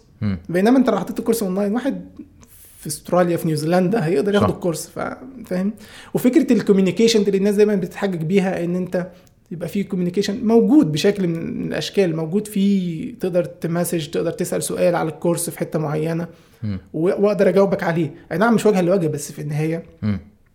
يعني ال- المزايا أكبر بكتير جدا من الفوائد كويس بس معلش أرجع تاني للسؤال آه، آه. بتاع ال- اللي هو الألف متابع حقيقي أو. ال true ال thousand true fans لو ركزت دايما في إنك كل فيديو تعمله يبقى بيضيف حاجة للناس فعلا مش لمجرد إنه فيديو مم. مش لمجرد إنك تحافظ على ال view count بتاع القناة بتاعتك ما تشغلش بالك بأي حاجة ما تشغلش بالك إن يوتيوب يغير ال algorithms بتاعته ما تشغلش بالك لأن في النهاية يوتيوب لما بيغير ال algorithms أو حاجة دايما بيحاول يخدم ال content. فأنت لو دايما بتحاول تقدم content كويس كده كده جمهورك هي كده كده هيفضلوا موجودين متابعين مش هتخسر حد. إنما لو قعدت تعتمد بقى على ال trickات وإزاي اكبر القناة وإزاي أحط مش عارف عناوين كذا وإزاي اعمل كذا كذا اعمل الحاجات دي ماشي اعملها بالمعقول يعني بس ما تتوقعش إن هي دي. اللي اللي هتكون سبب في نجاحك. ممكن تكون سبب في زيادة ال subscribers. مش هتبقى بس مش هتبقى سبب في زيادة الفعالية الكبيرة على المدى الطويل. دايما انت- آه. هتخدمك على المدى القصير لكن على المدى الطويل مش هتخدمك بالشكل اللي انت متخيله يعني. انت قلت كلمة في النص انت قلت آه ما تعتمدش ان ده يبقى سبب نجاحك. ده هيخلينا نتكلم في يعني إيه إيه هو النجاح أصلا؟ إيه تعريف النجاح؟ يعني انت بتقول 1000 true fans تمام؟ ده يعتمد على ان انت يبقى عندك أصلا مفهوم معين عن النجاح. ان النجاح مثلا هل هو عدد subscribers هل هو view count معين؟ هل هو فلوس؟ هل هو إيه بالنسبة لك مثلا؟ ما هو يعني النجاح يعني التعريف اللي أنا بقول عليه تعريف غير مفيد للنجاح هو إنك تحقق هدف أنت محدده مسبقا. أنت عندك هدف. لو حققت الهدف تبقى نجحت ما حققتش الهدف تبقى ما نجحتش. الفكرة طبعا أنت ممكن تحقق هدف سيء أساسا من الأول يعني الهدف نفسه يبقى الهدف ما كانش المفروض تحدده بالشكل ده. أوكي. لكن لو افترضنا إن أنت ح... أنت إيه إيه هدفك من يوتيوب عامة؟ لو هدفك إنك تفيد الناس فاعمل content كويس زي ما قلنا. لو هدفك إنك تحقق آه، عاوز تحول يوتيوب ده مثلا وظيفه أو حاجة مصدر دخل فاعمل content يفيد الناس لأن هو ده اللي هيفيدك على المدى الطويل لأن أنت أنت بتلعب اللي بيسموها إيه ال long game. يعني لو قعدت دايما تفكر في الفيديو ده إزاي يجيب أعلى views دايما تبقى باصص تحت رجلك. اولا هتحط نفسك تحت constant pressure دايما مع كل فيديو شايل هم الفيديو ده ينفع ولا ما ينفعش. بس انت لو الفيديو ده ضمن خطتك الأساسية في نوع المحتوى اللي انت عاوز تعمله فما تشيلش هم إن الفيديو ده تحديدا عمل views دلوقتي ولا لأ. لاحقا لما القناة بتاعتك هتكبر الناس هترجع للفيديو ده وهتشوفه. وانت هت... هتوجه يعني هتشير ليه لاحقا والناس هتيجي تشوفه. فدايما اهتم إنك تعمل content كويس. دي ال- ده الحل الاستراتيجي مش الحل التكتيكي. الحل الاستراتيجي إنك تعمل content كويس. ده اللي هيفيدك على المدى الطويل. مم. الحل بقى الحلول التكتيكية البسيطة دي إزاي بقى تزود views إزاي مش عارف تعمل كذا إزاي تعمل كذا آه، يعني بعضها مفيد لكن قصدي ما تركز معظم الناس بتركز بتركز قوي على الحاجات دي مم. العنوان وال آه. مش عارف ويبقى كل هدف و- بس فلكن آه، ودايما يقول لك خليك اعمل فيديوهات كتير عشان الناس تجي لك كتير بس لو انت ما عندكش content كويس أو ده أو ده هيأثر على جودة الكونتنت إنك تعمل فيديوهات كتير مم. يبقى خلاص ما تعملش فيديوهات كتير لأن أنت كده. بتضر نفسك على المدى البعيد. هل أنت شايف نفسك ناجح؟ إلى حد كبير آه الحمد لله رب العالمين. أكتر مما كنت متخيل كمان. لأن مش مش الفكرة ابدا. دايما الناس لما تيجي تقول ناجحين دايما ستيف جوبز مش عارف إيلون ماسك ناس كبيرة. ده مش لازم مش لازم تنجح على. ال national scale ده يعني. مش لازم تنجح في في مدى محدود. يعني في مدى انت بتأثر في مجموعة من الناس يعني يعني أن يهدي الله بك رجلا واحدا يعني مم. كفاية يعني كفاية إنك تساعد حد واحد بس تبع لتعريف النجاح لو أنا تعريف النجاح إن أنا أعمل حاجة مفيدة للناس أنا بحب أعملها وفي نفس الوقت بتحقق لي دخل مادي فده تم تحقيقه لحد كبير حتى الآن مم. وفي بوتنشال إنه يكبر مستقبلا كويس فحتى الآن أنا بعتبر نفسي الحمد لله العالمين ناجح مش شرط بقى. يكون نجاح كبير ضخم ولا مش مش شرط ابدا. أنا بيتهيألي برضو إن الناس محتاجة يبقى عندها وعي بإنه ال social media والحياة السريعة جدا اللي إحنا فيها و... و... و... وفكرة إنه الناس اللي بت... بتظهر بس هي دي اللي إحنا بنتخيل إن هي ناجحة. آه، في ناس كتير قوي مش ظاهرة ناجحة جدا وقوية جدا. والمعايير اللي إحنا بنشوفها وال... والفلاتر اللي إحنا بنشوفها دي بت distort أو بتشوه مفاهيم النجاح. ف... فلازم الناس تبقى عارفة إنه مثلا مثلا لو أنت هتعمل إحنا بنضرب أمثلة يعني بال... بالمحتوى لأن هو ده المجال بتاعنا يعني. فلو أنت هتعمل محتوى آه، بترندات بس ومش عارف إيه وبتاع هتخسر نفسك. هتلاقي إن الناس بدأت تسحبك في حتة مش بتاعتك. الناس هتبتدي تقول عليك influencer و influencer دي بقت شتيمة دلوقتي للأسف يعني. انستجرام موديلز بالظبط يعني. ممكن تبقى كده لو عايز بس لازم تبقى فاهم السكة دي بتاعت إيه. لازم تبقى فاهم إنه الناس اللي بتعمل محتوى مؤثر آه، دي ناس بتحترم جدا. يعني الناس اللي بتعمل محتوى قيم آه، نظرتها آه، يعني أنا أنا لما حد بيجي يسلم عليا في الشارع وعايز يتصور معايا أنا ببقى مقدر جدا إن هو عايز يتصور معايا مش عشان fan بقى لأ هو يعني أنا ببقى حاسس بالحب دوت فاهمني؟ مش موديل بقى ويلا بينا ومش عارف إيه وبتاع. فالناس فانت بتحظى ب- أو بتحصل على حاجات ممكن ما تبقاش ملموسة أو ممكن ما تبقاش ظاهرة بال بال بال analytics اللي إحنا متعودين نشوفها اللي هي ال likes والمش عارف إيه وال... والكلام دوت. مع انها ممكن تيجي عادي زي مثلا في حالتك أو الحمد لله في حالتي أو كده. بس ما ينفعش هو ده. ال... السعي أو المسعى بتاعك يعني. أكيد. آه عايز أسألك سؤال آه مهم جدا. هرجع تاني للنقطة بتاعت إنك وقفت ورجعت ومش عارف إيه لأن دي مهمة قوي بالنسبة لي برضو يعني. آه بس كنت عايز أسألك آه لأن أنا كنت شفت لك مرة آه حلقة كنت بتتكلم فيها على ال- ال- ال- ألبومات الصور. ده إيه ده؟ مش مشكلة. بيركب حاجة. كنت بتتكلم على البومات الصور اللي وراك وإن زوجتك كانت مساعداك فيها ومش عارف إيه. فأنا آه أنا فهمت إن زوجتك ليها دور كبير جدا في في المحتوى بتاعك يعني. فمحتاج تكلمني عن الحتة دي. آه هي زوجتي تعتبر هي يعني هي هي بقية ال team. هو إحنا team من اتنين. بقية ال team. آه. آه بتساعدني تقريبا بتساعدني في كل مراحل الشغل. يعني أنا لو قلت لك مراحل ال- الحلقة بتتعمل إزاي عندي مثلا؟ مم. أول حاجة أنا بكتب سكريبت يعني أنا بحدد الفكرة وبكتب السكريبت بتاع الحلقة دي. آه أنا من النوع اللي هو بيكتب سكريبت كامل. أنا شايف إن ده أفضل طريقة إنك تقدم محتوى جودته عالية. آه لأنك بتاخد وقتك في التفكير. قبل أنت وقت التصوير ما بتفكرش. التفكير بتبقى خلاص بتبقى فكرت بما يكفي. وحطيت النقط وعدلت واخترت الكلمات الصحيحة وكل حاجة. عملتها صح. كويس. فأول خطوة أنا بعملها كتابه السكريبت بعد كده هي بتراجع السكريبت تحسبا لأن أحيانا لما بتتكلم في موضوع أنت عارفه كويس بتتوقع إن كلامك واضح للناس اللي مش عارفة الموضوع ده. بس هو ده مش شرط. أحيانا بتبقى في جمل مبهمة ممكن اللي ما عندوش خلفية بالموضوع ما, ما تبقاش واضحة ليه. فهي بتراجع أول حاجة بتعملها إن هي بتراجع السكريبت تعدل عليه يعني هي بتقعد تعدل آه، سواء الاخطاء الإملائية أو لو في جمل مش مم. واضحة مثلا تقول الجملة دي مش واضحة ممكن مم. نعيد صياغتها أو كده. بعد كده التصوير. هي تقريبا اللي بتدير عملية التصوير بالكامل أنا ببقى واقف قدام الكاميرا بسجل. هي اللي بتشغل الكاميرا وهي اللي بتدير جزء. يعني أنا ببقى عامل عشان ببقى كاتب سكريبت تفصيلي فببقى حاطط ال- عندي stand. حاطط عليه iPad.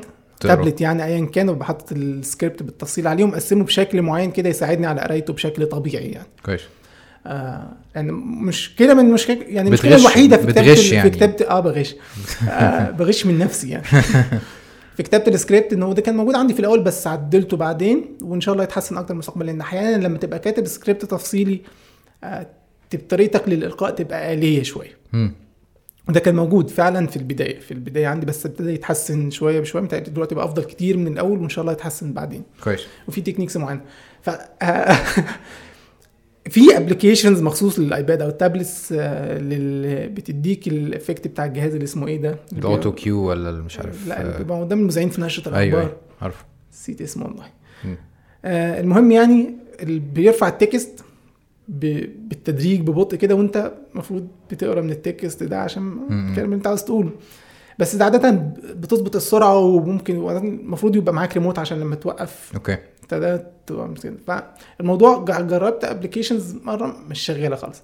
فببساطة هي اللي بتدير العملية دي هي اللي بتقعد تحرك عشان أقدر أقرأ الكلام ده بيبقى أفضل بكتير ليه؟ لأن لو غلطت هي بترجع الكلام لو هي مش. عارف إيه لو الشيء المفيد جدا جدا وأنا بتكلم لو في كلمة مش واضحة بتقول لي عيد الكلمة دي تاني.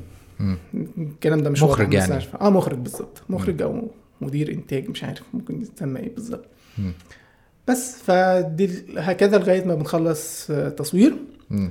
بعد كده بتيجي مرحلة المونتاج.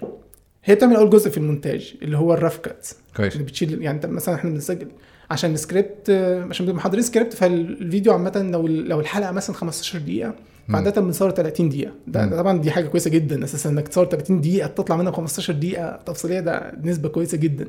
كويس. وبدون سكريبت متهيألي كنا قعدنا ساعتين ثلاثة بنصور. هي بتعمل جزء ال rough cut اللي هي بتشيل الأخطاء بتشيل الفواصل بتشيل التكرار بتشيل الحاجات دي كلها. مم. بس بتديني بعد كده الملف في فيديو بس اللي هو ال A-roll بتاعي اللي أنا بتكلم كده. بعد كده أنا بضيف ال- graphics والإخراج وال intros والحاجات دي على البرنامج. بعد كده هي بترجع تاني تراجع الفيديو في شكله النهائي يعني. كويس. بس. بن publish بعدين فهي موجودة في مراجعة السكريبت. التصوير تقريبا هي اللي بتدير الموضوع كله. بعد كده بتعمل جزء من المونتاج.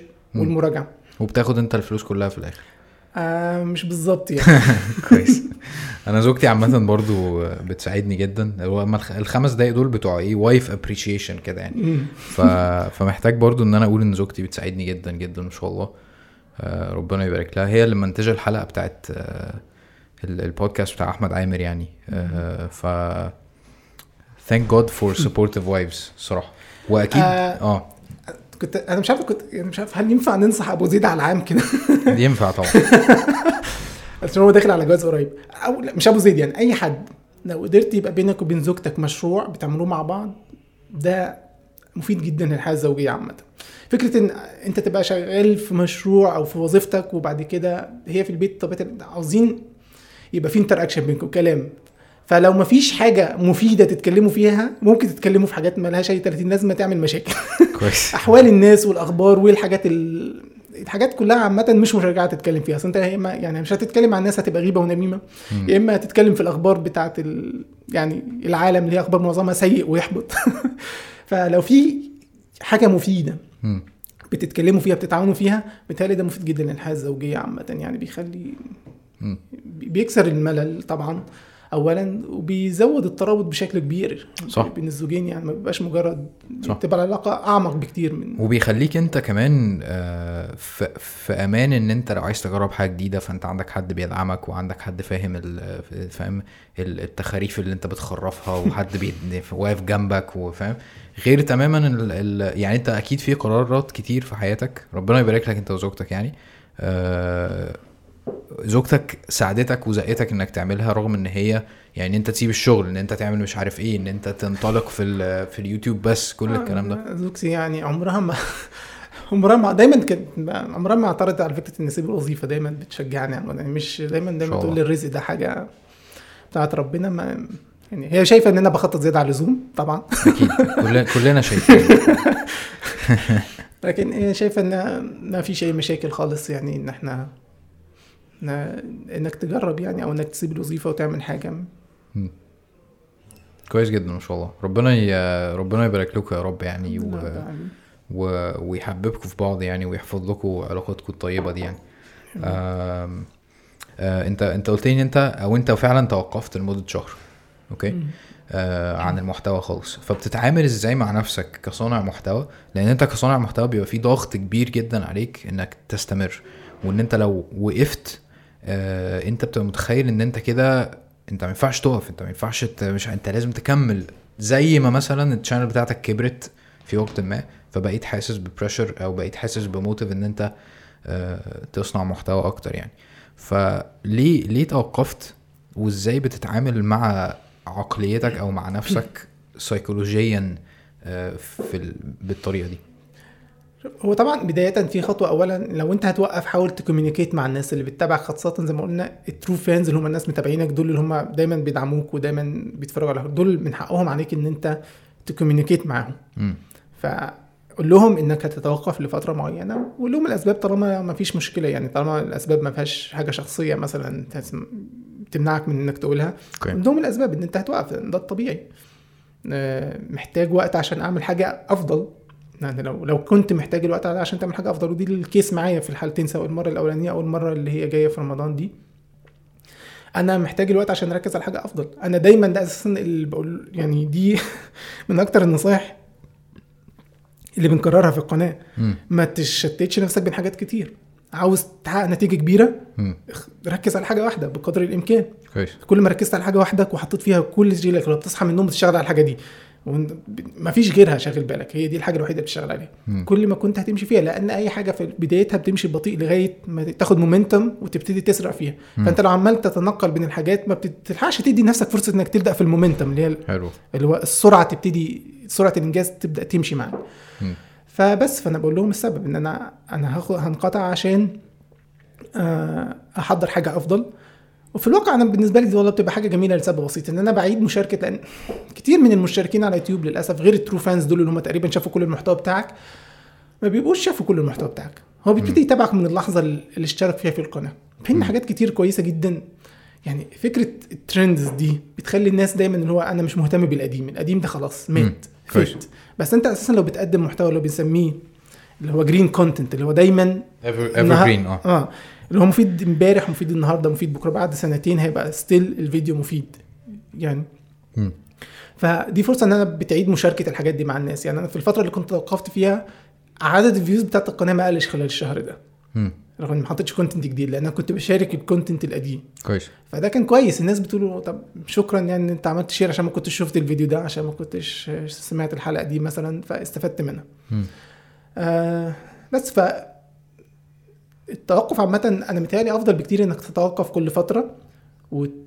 يعني سواء للراحة أو إنك حتى تبتدي آه تقرأ أكتر في الحاجة اللي أنت بتقدمها في المحتوى اللي أنت بتقدمه عشان يبقى عندك حاجة مفيدة تقدمها. عن إنك تحط نفسك تحت ضغط إن أنا هفضل أحط نفس المحتوى في الآخر. المشكلة إن الناس المشكلة الكبيرة اللي ممكن تواجهك ك... ك... صنع يعني صنع محتوى مش إنك يعني في ناس طبعا بيقولوا ال inconsistency إن أنت ما تبقاش مستمر أو ملتزم. بس بتهيألي المشكلة الاكبر إن الناس تفقد الثقة في المحتوى بتاعك. ان الناس تحس إن أنت بتحط فيديوهات والسلام. إن. أنت آه إن ما عادش فارق معاك. آه اللي هو بالظبط اللي هو أنا مش واثق قوي في إن أنت الفيديو اللي أنت حطيته ده انه هيبقى مفيد. فأنا لو دماغي لو مشغول بحاجة تانية دلوقتي مش هتفرج على الفيديو بتاعك لو أنت قدرت تحط في دماغ الناس أنت لما بتحط فيديو لأ ده ده يستاهل. أنا أنا حطيت الفيديو ده عشان في حاجة تستاهل ان أقولها. هتلاقي هتلاقي ال response أفضل بمراحل. زي ما قلت زي ما اتكلمنا من شوية عدد ال subscribers وعدد ال views خداع جدا. خداع جدا. مش شرط ابدا يكون هو المعبر عن الن- النجاح أو إن الناس استفادت من الفيديو أو إن المحتوى كويس. كويس. خليني أسألك سؤال بناء على على اللي أنت قلته ده دلوقتي. أنت بتقدم محتوى self help وتخطيط وتنظيم وحاجات زي دي. الناس بطبيعة الحال بتبقى متوقعة إن أنت بتعمل اللي انت بتقدمه. وده ممكن يكون بيخلق ضغط عليك ان انت فهل انت مثلا المحتوى اللي انت بتعمله بتكون لازم تمر بتجربة ولا انت مش حاطط الضغط ده على نفسك؟ آه هو زي ما قلت اللي فادني ان أنا كنت لفترة طويلة بجرب الحاجات دي وبقرا فيها قبل ما ابتديت اعمل اعمل الحاجات دي. ففعلا أنا معظم الحاجات اللي قدمتها ان لم يكن كلها جربتها. أوكي. جربتها بالفعل. لكن أنا مش لازم أنا دايما برضو بشرح للناس إن انت مفيش حد فينا يا جماعة بيطبق 100% من ال. من من من اللي بيقراه. ده طبيعي. إحنا إحنا الإنسان مش محتاج قاعد- في نصايح أنا ما بدأتش أطبقها غير يعني لقيتها اتكررت مثلا في 10 كتب. مم. يعني ده قريتها مرة وما طبقتهاش. تانية ما طبقتهاش. لغاية ما خلاص بقى بعد فترة وبعد فترة طويلة بتتكرر بتتكرر فابتديت آخد خطوة إن أنا أطبقها. آه ف عادة يعني بقول للناس إن إحنا مش كلنا هنطبق كل حاجة ومش كلنا هنبقى في أفضل حالة ذهنية دايما مش دايما.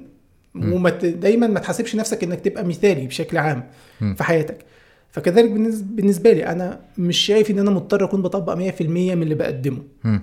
لكن المفروض أكون بطبق معظمه أنا متهيألي يعني ده شوية اتساق مع النفس لازم أكون بطبق أوكي. معظم ال- ال- اللي بعرضه على الناس أو بعرض حاجة بقول إن أنا شايفها مفيدة حتى وإن كنت أنا بواجه مشكلة في تطبيقها. فاهم زي. آه لكن في معظم الحاجات اللي, اللي قلتها أنا عادة فعلا آه في حاجات في أفكار بتبقى بسيطة جدا. وم- وبساطتها بتبقى حائل صد بينها وبين الناس تحس إن هي هتعمل تغيير مم. لما تقول للناس قليل دائم خير من كثير منقطع. ماشي حكمة جميلة هنبقى نكتبها على ورقة ونعلقها على الحيط ماشي مفيش مشكلة. بس لا فعلا لو انت انت لو خدت الأسلوب ده في حياتك فعلا هتكتشف إنك تقدر تعمل حاجات كبيرة بالتدريج. يعني مش لازم تبقى مثالي مش لازم كل يوم تعمل حاجات كبيرة. مم. مش شرط. مم. حاجات زي كده فاهم؟ الحاجات دي كان في كتاب أول كتاب عملته أنا دايما لما بدأت القناة كنت محدد 10 كتب. قلت عشان أنا لو مش هستمر يعني. خلاص صح. okay. آه لو لو مش هستمر في القناة فأنا على الأقل أعمل ال 10 كتب دول لأن أنا شايف فيهم فايدة كبيرة جدا. okay. أول كتاب فيهم كان اسمه اسمه The Slight Edge بيركز على فكرة القليل الدائم خير من الكثير المنقطع أنا شايف إن هي دي فرقت معايا جدا. مم. أنا عارف الحكمة من زمان وكلنا في حاجات كتير إحنا عارفينها من زمان كأفكار عامة. مم. زي لا تؤجل عمل اليوم للغد مثلا. ماشي okay. كلنا عارفين ده بس يعني التطبيق؟ كم واحد بيلتزم بال- بالحكمة البسيطة دي. فأنت لازم تقعد الموضوع يبقى يتكرر عليك وتشوف تفاصيل وتكرر وتشوف أمثلة وهكذا عشان في الآخر تقتنع. بان بإنك تطبق ال... ال... الاستراتيجية دي في حياتك إنك تتقبلها اولا إن دي فعلا هتجيب نتيجة مم. وتلتزم بيها بس في بعض الأحيان حاجات بتاخد وقت عشان تلتزم بيها أو تطبقها في حياتك آه فده جزء من ال- من حتة إن أنا بطبق اللي أنا بعرضه على الناس يعني. بس كويس. فكان في العشر كتب دول كنت قلت إن أنا لازم أعمل العشر كتب دول وأعرضهم عشان دول اللي أنا شايف فيهم أكبر فايدة ممكنة يعني. مم. عشان لو ما كملتش يبقى على الأقل عملت العشر كتب دول موجودين والناس ممكن تستفيد منهم لاحقا يعني. كويس جدا. خليني أسألك سؤال آه، مهم بالنسبة لي جدا. أنت دلوقتي آه، ما عندكش آه، مشكلة أو من اللي أنا تابعته في المحتوى بتاعك ما عندكش ما عندكش مشكلة إن أنت شخص مسلم آه، لو عندك في كتاب قريته أو في محتوى بتقدمه عندكش مشكلة خالص إنك تنصح. يعني مثلا في آه، الفيديو بتاع تنظيم الوقت والكلام دوت أنت كنت بتقول إن أنت في وقت للنوم وفي وقت للعبادة وفي وقت مش عارف إيه. فأنت ما عندكش مشكلة من إن أنت تظهر دوت. فبتتعامل إزاي مع الفكرة دي؟ فكرة هوضح لك أكتر برضو. أحيانا كتير الناس اللي عندها سمت آه، إسلامي آه، بتحس إن هي محتاجة تخبي شوية آه، تحور شوية تتأقلم ممكن تسميها تتأقلم عشان آه، ما تحسش إن أنت بتتغير مثلا ولا حاجة. فإزاي بتتعامل مع نفسك في الحتة دي؟ هو يعني أنا هجاوب على السؤال ده بس في مشكلة أعمق برضو في بعد أكبر لل- للسؤال اللي أنت بتقوله ده. مبدئيا أنا مش شايف أي قيمة للعمل اللي بتعمله لو ما كانش في النهاية يعني أنا لو مش مؤمن إن في آخرة وفي حساب وفي جنة وفي نار غالبا ما كنتش هعمل اللي بعمله ده من الأساس حلو من الأول يعني أتعب نفسي ليه فلوس في وسائل تانية عندي كانت أسهل إن تجيب لي فلوس يعني مم. آه، واحد رفض شغل بمرتبات مجزية جدا في شركات لأن هي شغالة بشكل أو في مجال أنت مش حابب مش حابب تدخل نفسك فيه من الأول يعني كويس أوي. ف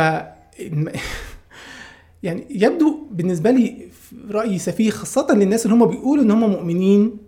بالجنة والنار والن- والآخرة وبعد كده يت... لو أنت مؤمن بالحاجات دي فالحاجات دي المفروض الدنيا جنب الحاجات دي ولا حاجة. المفروض ولا حاجة.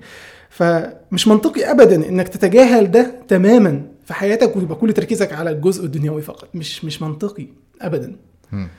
مش عامل إزاي أنت بتقول الحاجة دي مهمة آه والعبادة وربنا وكل الكلام الجميل ده بس بس بس حطه على جنب. إزاي يبقى الحاجة الكبيرة على جنب؟ ما ينفعش. ده مش معناه إن أنا لازم يعني تبقى كل فيديوهاتي محاضرات دينية يعني بس مظبوط. أنا أنا خدت الجزء بتاعي يعني لو أنا راجل مسلم فاتح مطعم هيبقى في تأثير الإسلامي على إدارتي للمطعم وعلى شكل الأكل اللي بقدمه. تأثير بسيط بس مش لازم ادي محاضرات دينية. كذلك برضو نفس الموضوع عندي. أنا في تأثير مهم عندي خاصة إن كتب تطوير الذات هم عندهم مشكلة كبيرة هناك. يعني دي لاحظتها في كتب كتير. إنه يدي عاوز يديك حافز كبير. حافز أكبر من نفسك أكبر من حاجاتك الشخصية والمادية لأنه هو عارف أهمية ده أهمية ده لأي شخص إن يبقى في حاجة كبيرة مؤمن بيها مم. بس عشان المادية عندهم مسيطرة فدايما تلاقيه دايما بيقعد يعني يشيروا الحاجات كده هلامية. إن الكون عاوزك تنجح مش عارف اللي مش أي كلام عام كده اللي هو بعيد عن.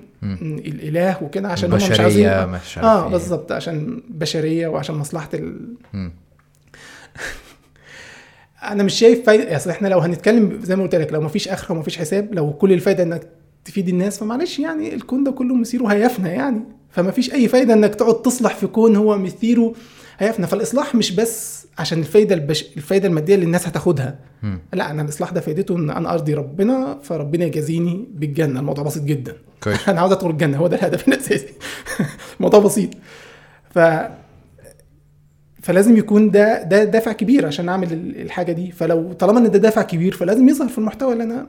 اللي أنا بقدمه بالإضافة طبعا إن في كثير من كتب تطوير الذات فيها مخالفات أو مش تطوير الذات يعني في كتب منتشرة على إنها كتب تطوير الذات. وهي كتب مليانة خرافات وكلام فاضي زي كتاب The Secret مثلا الكتاب المنتشر جدا آه. كتاب السر كتاب فيه مخالفات للعقيدة. أنت ليه تقعد ترسل إشارات للكون ومش عارف إيه والكلام أنت ممكن تدعي ربنا يعني فادعوني أستجب لكم.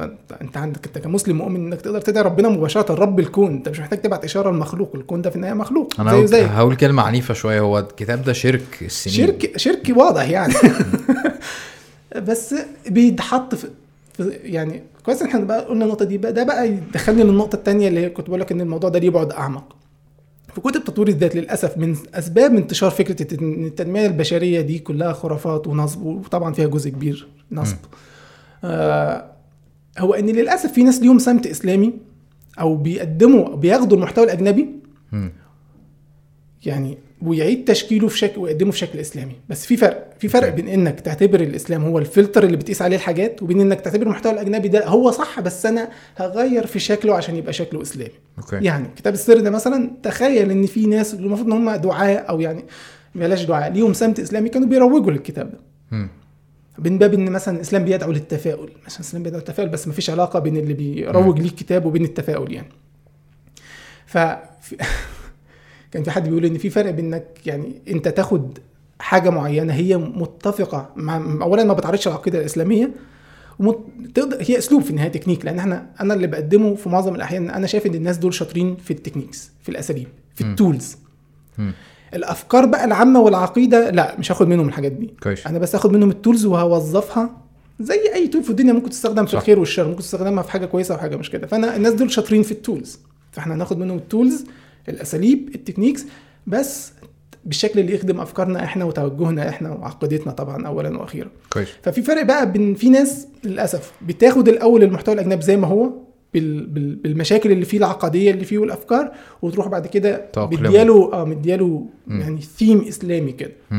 وده في وده معظم الناس للأسف كتير ناس مش بيميز بين اللي بيحط الإسلام فلتر إنه أو, أو يعني اللي بيقيس الحاجات على الإسلام وبين اللي بي اللي بيدي سمت إسلامي للحاجات الغربية هو كده كده قبلها من البداية. هو قبل ما يشوف رأي الإسلام فيها هو قبلها وهيعرضها. مم. هو بس شايف إن هو لما يحط لها شكل إسلامي شوية هتلقى قبولا أكثر عند الناس. مم. فبيعمل كده.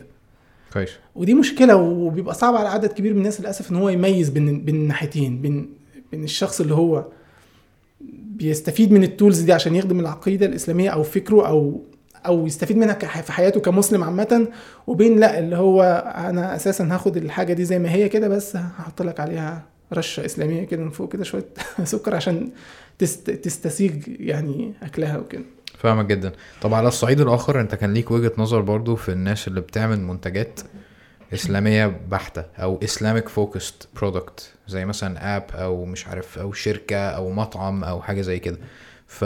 فإيه رأيك في ال... في ال... في الموضوع ده؟ لا هو أنا كان كان قصدي في الكلام اللي قلته لما تلاقي حد لأن أنا مريت بالتجربة دي إن حد شغال على applications مثلا إسلامية إن أنت ما يبقاش ال... يعني دايما بص على ال value يعني إيه ال- إيه الحاجة اللي هتضيفها. مش مجرد يعني هل العالم محتاج دلوقتي تطبيق مصحف تاني؟ هل سوق أسواق التطبيقات محتاجة مصحف إلكتروني تاني. في كتير بالفعل. فهل أنت لو عندك resources ده أفضل استغلال ليها؟ مم. يعني يعني مش فاكر نص الحديث بس يعني في حديث بيقول إن في اللي هو سقي الماء يعني آه، لو في مكان ما فيهوش مية وأنت عم- عملت بير ده أفضل الأعمال اللي ممكن تعملها. أو ده هيضيف قيمة حاجة مش موجودة يعني. كويس. فاهمني؟ فأنت تشوف ال- اللي العالم يعني الناس محتاجة إيه؟ وبتعوض النقص ده بتعمل بتستغل ال resources بتاعتك في إنك تعمل حاجة مش موجودة. مم. مش إنك تعمل نسخة جديدة من حاجة موجودة لأن ده إهدار للموارد اللي موجودة يعني. الناس مش المسلمين. يعني أنت جمهورك أنت مش مش مش هدفك الرئيسي إنك توصل لمسلمين بس. أنا لا أمانع إن غير المسلمين يشوفوا البتاع ده بس تعالى نرجع للنقطة دي تاني. okay. طبعا في ناس كتير كان جات لي تعليقات كتير معترضة على اللي أنا لما باجي مثلا أذكر حديث أو إن أنا أقيس الأمور أو إن أنا أرفض رأي مؤلف آه، اعتمادا على فك على معتقدي الاسلامي. يعني مثلا كده واحد من اشهر الكتب اللي هو 7 Habits of Highly Effective People المؤلف كان بيقترح عليك فكرة معينة إنك مش عارف تتخيل رأي الناس وقت مماتك ورأيهم فيك. عاوزك هو المؤلف عاوز يدفعك. دي المشكلة اللي قلت لك عليها اللي عندهم إن هم ما عندهمش. حافز كبير فعاوز يوجد لك حافز كبير. فيقول لك إيه؟ يقول لك تخيل نفسك لما موت وشوف رأي الناس الناس هيقولوا عنك إيه؟ هل عشت حياة كويسة؟ مش عارف أنا بقول لك لا ما تهتمش برأي الناس. مم. أنت أنت لو مت في حاجات كتير تشغل بالك بيها غير رأي الناس. اللي عايشين. ما تع... وإلا ده ممكن يخليك تعيش حياتك للناس. إيه الناس يا ترى هيقول عني إيه في الوقت ده؟ لا أنت تعمل الصح تعمل المفيد. أو الأهم من كده لو عاوز حافز حقيقي فعلا حديث الرسول اللي هو يعني. إذا مات ابن آدم يعني يسأل عن. أربع. عن آه، آه. عمره وعن ماله وعن كل حاجة هيسأل. فده سبب أدعى إنك تستغل عمرك ومالك. وهكذا عن إن الناس هيبقى رأيها فيا حلو ولا وحش بس فانا فطبعا في ناس بقى. اللي هو انت.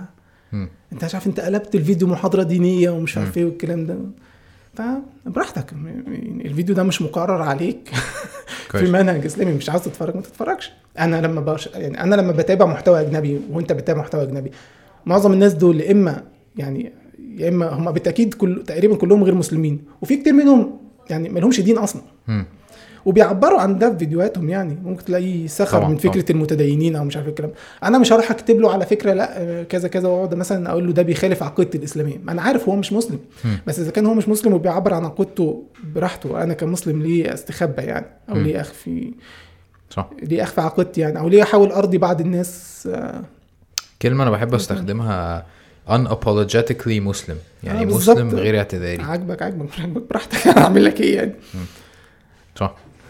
آه في كتاب أنت كنت اتكلمت عنه آه اللي هو The One Thing الشيء الواحد.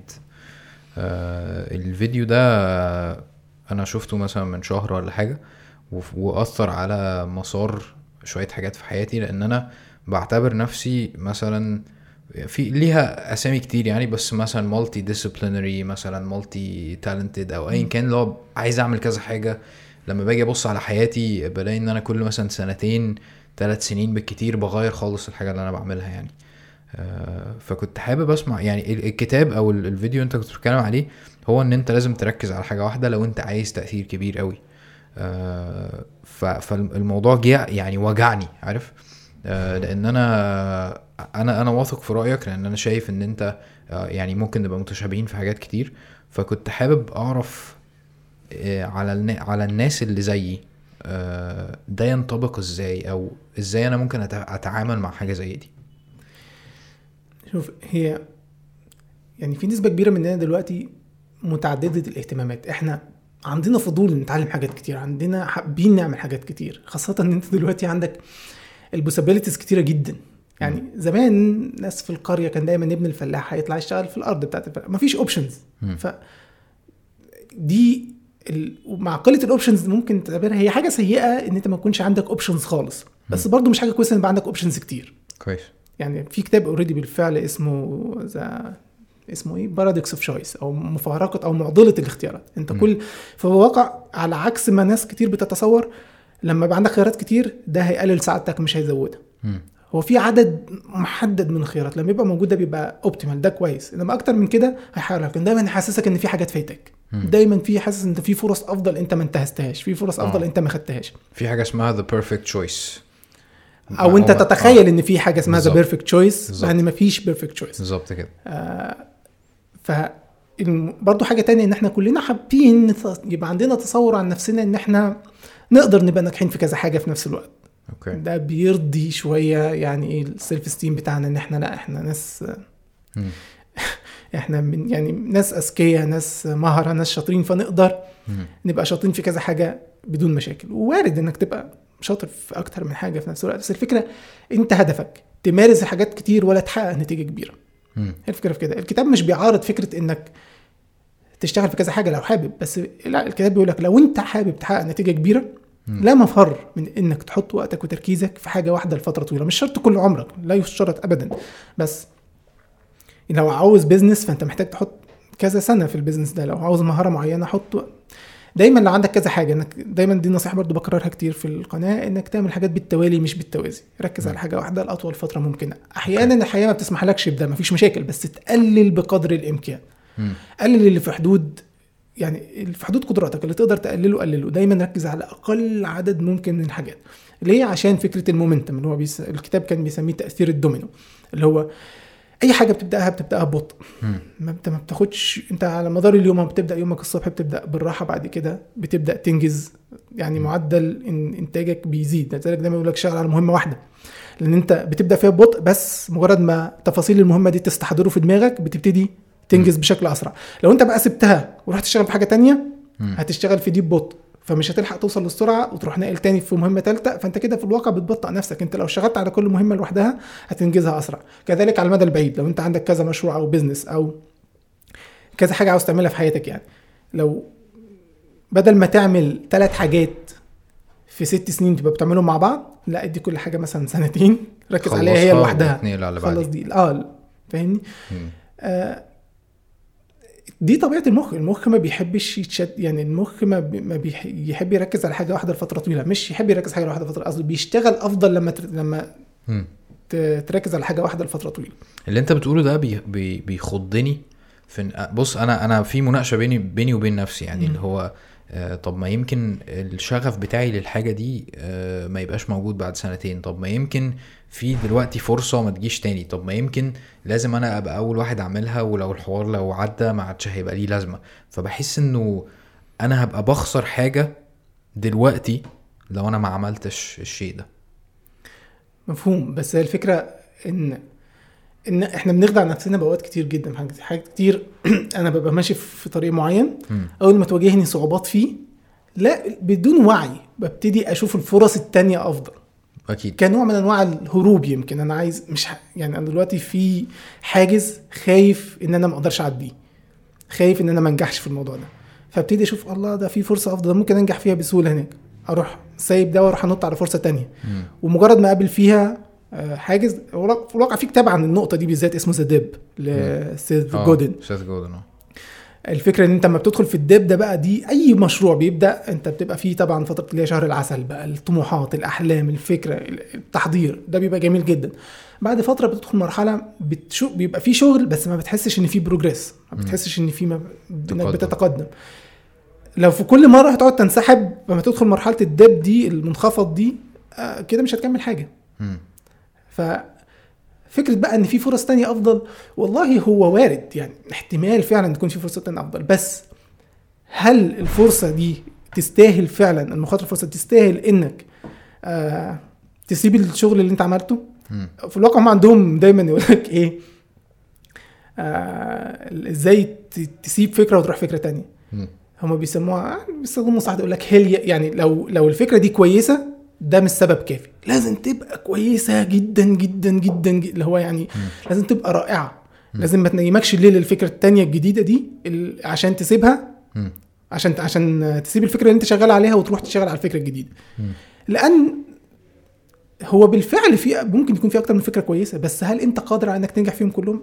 هتشتت وقتك ومجهودك بين كل الحاجات دي والنتائج اللي هتحرزها في كل واحدة فيهم هتبقى أقل من المطلوب وغالبا هتتوقف عنهم كلهم بعد فترة.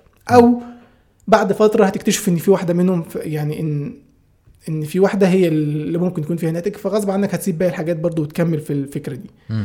الفكرة بقى هل أنت محتاج إزاي أعرف أفضل فكرة ممكنة مم. والله في شركات صرفت مليارات في منتجات وفشلت فما فيش وسيلة تعرف إيه ما فيش حاجة أقدر أديك نتيجة مضمونة مم. إذا كانت الشركات اللي عندها خبراء أو عندهم ناس متخصصين بيتقاضوا ملايين الدولارات في الآخر برضو اختاروا مسارات وطلعت غلط حلو فأنت ما تضمنش. دي بقى فايدة التوكل على الله يعني. دي فايده دي الفرق بقى اللي يديك شوية اطمئنان إن أنت راجل مطالب بالسعي فقط مش مطالب بالنتائج. ده الحاجة اللي تعتبر إيه؟ زي الكوشن كده اللي أنت بتعتمد عليه. اللي هو اللي هو يحميك من الإحباط يعني الإحباط الشديد يعني. إن أنت مش ضامن النتائج ده حقيقي. محدش ضامن النتائج. محدش ضامن نتائج أي حاجة. ف ممكن الحاجة اللي أنت كنت متخيل إن هي هتنجح بسهولة ما تنجحش والحاجة اللي أنت كنت متخيل إن هي صعب جدا تنجح تنجح. وارد. بس في النهاية أنت عشان تعمل الجزء اللي عليك اللي هو يضمن نجاح الحاجة دي أنت محتاج تركز في الحاجة دي تحط فيها وقتك وجهدك لأطول فترة ممكنة على الأقل لغاية ما يثبت لك ان هي مش ناجحة. أنا بتهيألي برضو آه، آه، برضو أنا أنا هقول لك فلسفة عندي وأنت قول لي رأيك فيها. أنا بتخيل إن علشان تتقوى على الفكرة دي أنا عندي قناعة إنه الطريق اللي إحنا بنختاره أو ال- الاختيار اللي إحنا بنختاره آه، أصلا ما كانش ينفع نختار حاجة غيره. يعني لما تيجي تبص على ال- القدر وما إلى ذلك يعني مفيش حاجة اسمها عالم موازي مفيش حاجة اسمها اختيارات اللي هو طب لو كنت اخترت كذا كنت هبقى فين دلوقتي؟ طب مش عارف إيه. أنا مستسلم جدا لفكرة إن أنت اخترت ده وما كانش فيه option تاني غير ده. فاهمني؟ فده بينفي عندي خالص حتة الندم. فاهم قصدي. فايه رأيك في الحتة دي؟ مش عارف الحقيقة ما أقدرش أقول ان أنا دايما الاختيار اللي اخترته كانش فيه options تانية. أحيانا الواحد بياخد قرارات غلط. okay. بي بي ما هو القرار الغلط ده هو ده ال... أيوه بس هل أنا ما كان مفروض عليا؟ هل ده قدري؟ لا. لا ما قلتش مفروض. بالظبط هو مش مفروض عليا. آه.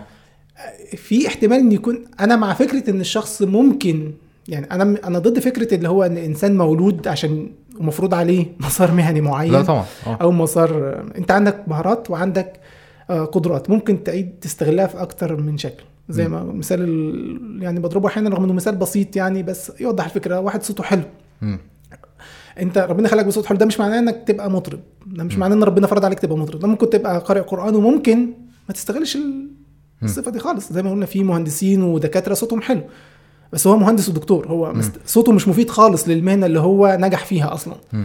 فاحنا ممكن بنتولد بصفات جسدية تساعدنا على التميز في مجالات معينة لكن أنت ما بتتولد أنا ضد فكرة إنك بتتولد بموهبة محددة موهبة أوكي. اللي هي اللي هو موهبة الرسم موهبة مش عارف البرمجة أو موهبة التصوير. في ناس بتقول لك أنا مولود بموهبة التصوير. لا أنا ضد الفكرة دي. أنت مش ضد موهبة التصوير. أنت ممكن تكون عينك بتشوف الألوان أحسن من باقي الناس. okay. عينك آه، يعني آه، فتوظفت. نظرك أفضل مش آه. عارف إيه. آه. فتوظفت. ممكن صوتك يبقى أقوى ممكن تبقى جسديا أقوى ممكن يبقى ذكائك ممكن تبقى عندك خص يعني قدرة على التعرف على الانماط اللي هو ال pattern recognition ده حاجة موجودة في كل المجالات اللي ممكن تستفيد منها في حياتك مثلا.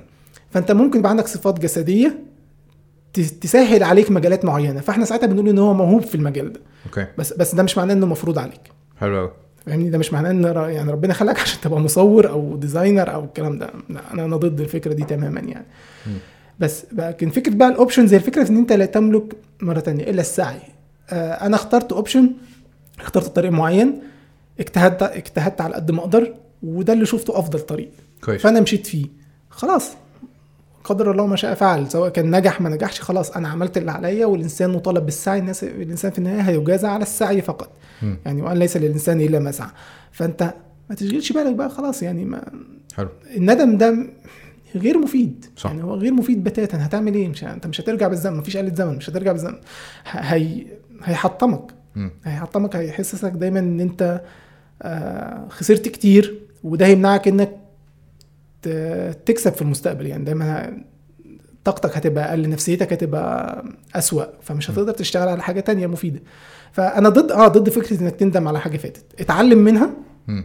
وانطلق يعني وبص لقدام يعني بص لورا بس عشان تتعلم من أخطائك. كويس. لكن مش عشان تزعل وتحزن وتندم لأنه بصراحة هو غير مجدي تماما يعني التصرف غير مجدي. محبط جلد الذات ده مش مفيد بأي شكل. أنا موافق جدا. هل عندك آه، وجهة نظر في إمتى أسيب الشيء؟ إمتى تسيب الشيء؟ ولتكن لو- شركة وليكن project ايا كان. هو طبعا لو لو في project مادي فبيبقى ده عادة بيبقى فيه علامات واضحة إنك تعملها. مثلا ال project بيخسر أو أيا بيخسر حاجة زي كده. بس في دايما حاجة بنقولها يعني اسأل نفسك لو أنت رجعت بالزمن بس ده مش عشان الندم رجعت بالزمن لأول قبل ما تبدأ الشيء ده هل كنت هتدخل فيه ولا لأ. أحيانا بتلاقي نفسك لأ مش هدخل فيه أصلا. واحيانا لأ هدخل بس كنت هعمل حاجة بشكل مختلف. أوكي. يعني أنا ماشي أنا أنا كنت هكمل في الموضوع ده آه، ايا كان. فلو ما كنتش هتدخل فيه أصلا فده مؤشر غالبا إنك يفضل ما تكملش. لو. ما كنتش ده ده ثبت ليك يعني بشكل إن حتى المحاولات إصلاحه مش هتنفع ده أنت مش عاوز تدخله أصلا. ده أنت اخترت خيار غلط من الأساس. فما لا ما تكملش في حاجة زي كده لكن لو كنت هتعمل حاجات معينة لو كنت هتدخل في نفس الطريق بس كنت هتتصرف بشكل مختلف أو تعمل حاجات مختلفة فساعتها ممكن تكمل في الطريق ده شوف إيه اللي ممكن تعمله عشان تصلح الوضع اللي أنت فيه وتكمل فيه. آه بس إنما بعد كده آه، السؤال ده صعب بتجاوب عليه إجابة عامة يعني أكيد آه أكيد. بس لكن هي بتبقى على حسب الموقف في حاجات آه، ممكن تكمل فيها وممكن ما تكملش. لو في فرصة للنجاح بدون ما تستنزف فيها لأن في في مغالطة اللي اسمها sunk cost fallacy sunk cost fallacy دي مغالطة التكلفة الغارقة. دي شركات وقعت فيها. مم. الشركة مثلا أشهر مثال بيضربوه على ده اللي هي طياره الكونكورد الفرنسية. الطياره الكونكورد دي آه، في النهاية فشل فشل ذريع. هم كانوا عاوزين يعملوا طيارة أسرع من الصوت أو. بتصل لسرعه الصوت. والكلام ده. بس في النهاية ثبت إن هي غير عملية. يعني مش هينفع يستخدموها بشكل تجاري في النهاية مش هتنفع. بس رغم ذلك رغم ثبت ذلك إن هم حسوا إن هم إحنا بس إحنا صرفنا كتير. فلازم ننجح المشروع ده. فيصرف أكتر. بعد فترة طب ما إحنا كده صرفنا أكتر. فاحنا لازم نكمل. فأنت أحيانا بيمنعك إن اللي بيخليك تكمل ودي نقطة مهمة لو اللي هيخليك تكمل خوفك على اللي صرفته قبل كده ده مؤشر خطير. هل أنت عشان كده بنقول إن أنت بنقول اسأل نفسك في البداية كنت هتدخل ولا لأ عادة اللي بيكمل عشان التكلفة اللي صرفها لو كان رجع في البداية ما كانش هيدخل. لأنه خلاص عرف عرف إن الموضوع مكلف أكتر من اللازم وإن هو هيتعبه وإن هو هيخسره أكتر فمش هيدخل فدي بيسموها ال sunk cost fallacy إن أنت لو هتكمل في علاقة في مشروع في كتاب لمجرد إنك بذلت مجهود أو صرفت مم. فلوس قبل كده ده بس السبب الرئيسي فلا دي دي مغالطة منطقية ما- يعني ما تقعش فيها لأنها هتخسرك أكتر عاده nice آه، أنت كنت عملت فيديو عن آه، بتتكلم فيه عن إن القراءة ما هياش هي الهدف. القراءة. ليست هي الهدف. وأكيد الناس اللي بتتفرج على البودكاست ده ومتابعاك أكيد هتحتاج تسأل أسئلة عن القراءة. آه، أنا شخصيا آه، مش من الناس اللي بتجيب كتب وتقعد تقرأ إلا لو في مجال معين عايز أعرف أكتر عنه أو في فكرة معينة في دماغي أو بحضر لحاجة معينة فده الوقت اللي أنا ببتدي أقرأ فيه سواء حاجة entrepreneurship أو ايا كان. بس أنا مش مش متخيل إن أنا زيك خالص في إن القراءة بالنسبة لي آه، هواية خالص يعني. فعايزك تكلمني عن الفلسفة اللي خلاك تعمل الفيديو دوت أو ال- ال- ال- الحافز اللي خلاك تعمل الفيديو ده. آه، في ناس كتير كانت لأن إحنا أنا الهدف الأساسي زي ما قلت لك إن أنا أعمل البرنامج على وكتاب أو الفيديوهات دي إن أنت تشارك المعرفة. المعرفة هي الهدف. مم. والمعرفة دي مصادرها كتير متنوعة بعضها كتب بعضها ممكن محاضرات بعضها تجارب شخصية فيديوهات. يعني لا يشترط إن هي تكون كتب فقط. بس الهدف من الكتاب أصلا إيه؟ يعني الكتاب ده كتول هو اداه في النهاية. إن هو ينقل معرفة معينة. هو راجل مر بتجارب لمدة 10 سنين بعد كده لخص تجربته دي. في كتاب شيء. فكرة رائعة جدا إنك تاخد تجربة 10 سنين لشخص في يومين ثلاثة وأنت بتقرأ الكتاب ده. يعني شيء رائع جدا إنك ممكن تعمل حاجة زي كده اللي حصل بقى عن يعني يمكن اللي أنا لاحظته كتير جدا من الناس إن هو بيطلب عاوز عاوز يبقى عندي هواية القراءة عاوز أقرأ طب ليه؟ آه، هو مش عارف بس القراءة مفيدة حاجة يعني القراءة دي شكلها حاجة كويسة يعني أيوة فاهم؟ ليس إلا وبعدين بقى تلاقي الناس اللي هم بتوع اللي هو يصور الكتاب مع فنجان القهوة ويحطه على الانستجرام ومش عارف إيه والقراءه وفي الآخر الكتاب اللي بيقراه كتاب. تافه. يعني ليس كل مش مش كل كتاب قيم. مش يعني عارف إن إحنا يعني خدنا فكرة إن الكتاب ده حاجة كده أنت بتمسك الكتاب في إيدك دايما تحس إن الكتاب ده حاجة خاصة لو كتاب. مطبوع تحس انه حاجة قيمة. يعني كلام أيوة، كتير أكيد أكيد في حاجة مفيدة؟ بس ده مش شرط. أوكي. في كتب كتير تافهة كتير كتير ما تستحقش الوقت اللي أنت تضعه فيها. فأنا دايما بعتبر القراءة أداة أو مهارة ممكن تعتبرها مهارة هي حاجة عشان تستفيد منها بس على حسب هتستخدمها إزاي. هتقرأ إيه؟ يعني في نوعية كتب مضرة. يعني في كتب في نوعية كتب فعلا يعني بتشوه تفكير الشخص ففي النهاية أنا ما أقدرش أقول إن القراءة مفيدة هنا أو القراية مفيدة هنا. مم. أكيد مش مفيدة. فالقراءة في حد ذاتها هي أداة أو مهارة ممكن تتعلمها عشان تستخدمها بشكل جيد بعدين. فما يبقاش هدفك مجرد إنك تقرأ لذلك أنا بشجع الناس دايما لو أنت واحد عندك مشكلة في القراءة ما عودتش نفسك على القراية جرب تسمع لل audio books الكتب المسموعة في نعم. ناس كتير أنا في الواقع جزء كبير من الكتب اللي قرأتها دي قرأتها بشكل مسموع لأن أنا كنت. كنت شغال في شركة كانت المواصلات ساعة رايح ساعة جاي من البيت. طبعا أنت عارف بقى المواصلات عندنا مزعجة ومش عارف إيه والكلام ده فكنت بدأت قلت اجرب بقى الكتب صوتها طبعا ما تقدرش تقرأ كتاب أساسا حتى من الشاشة بتاعتها في مواصلات أو لو أنت بتسوق مش هينفع تقرأ. ولو أنت راكب مواصلات عادية هيجي لك صداع بعد خمس دقائق من الاهتزاز ال- في السيارة يعني. صح. فالكتب الصوتية كانت حل رائع جدا. ليها عيوب لكن في النهاية أنت بالنسبة لي الكتب الصوتية مش بديل لل- للقراءة في الكتب العادية. هي ببساطة بتخليك تستغل وقت انت ما كنتش هتستغله أصلا في القراءة العادية. أوكي. فاهمني؟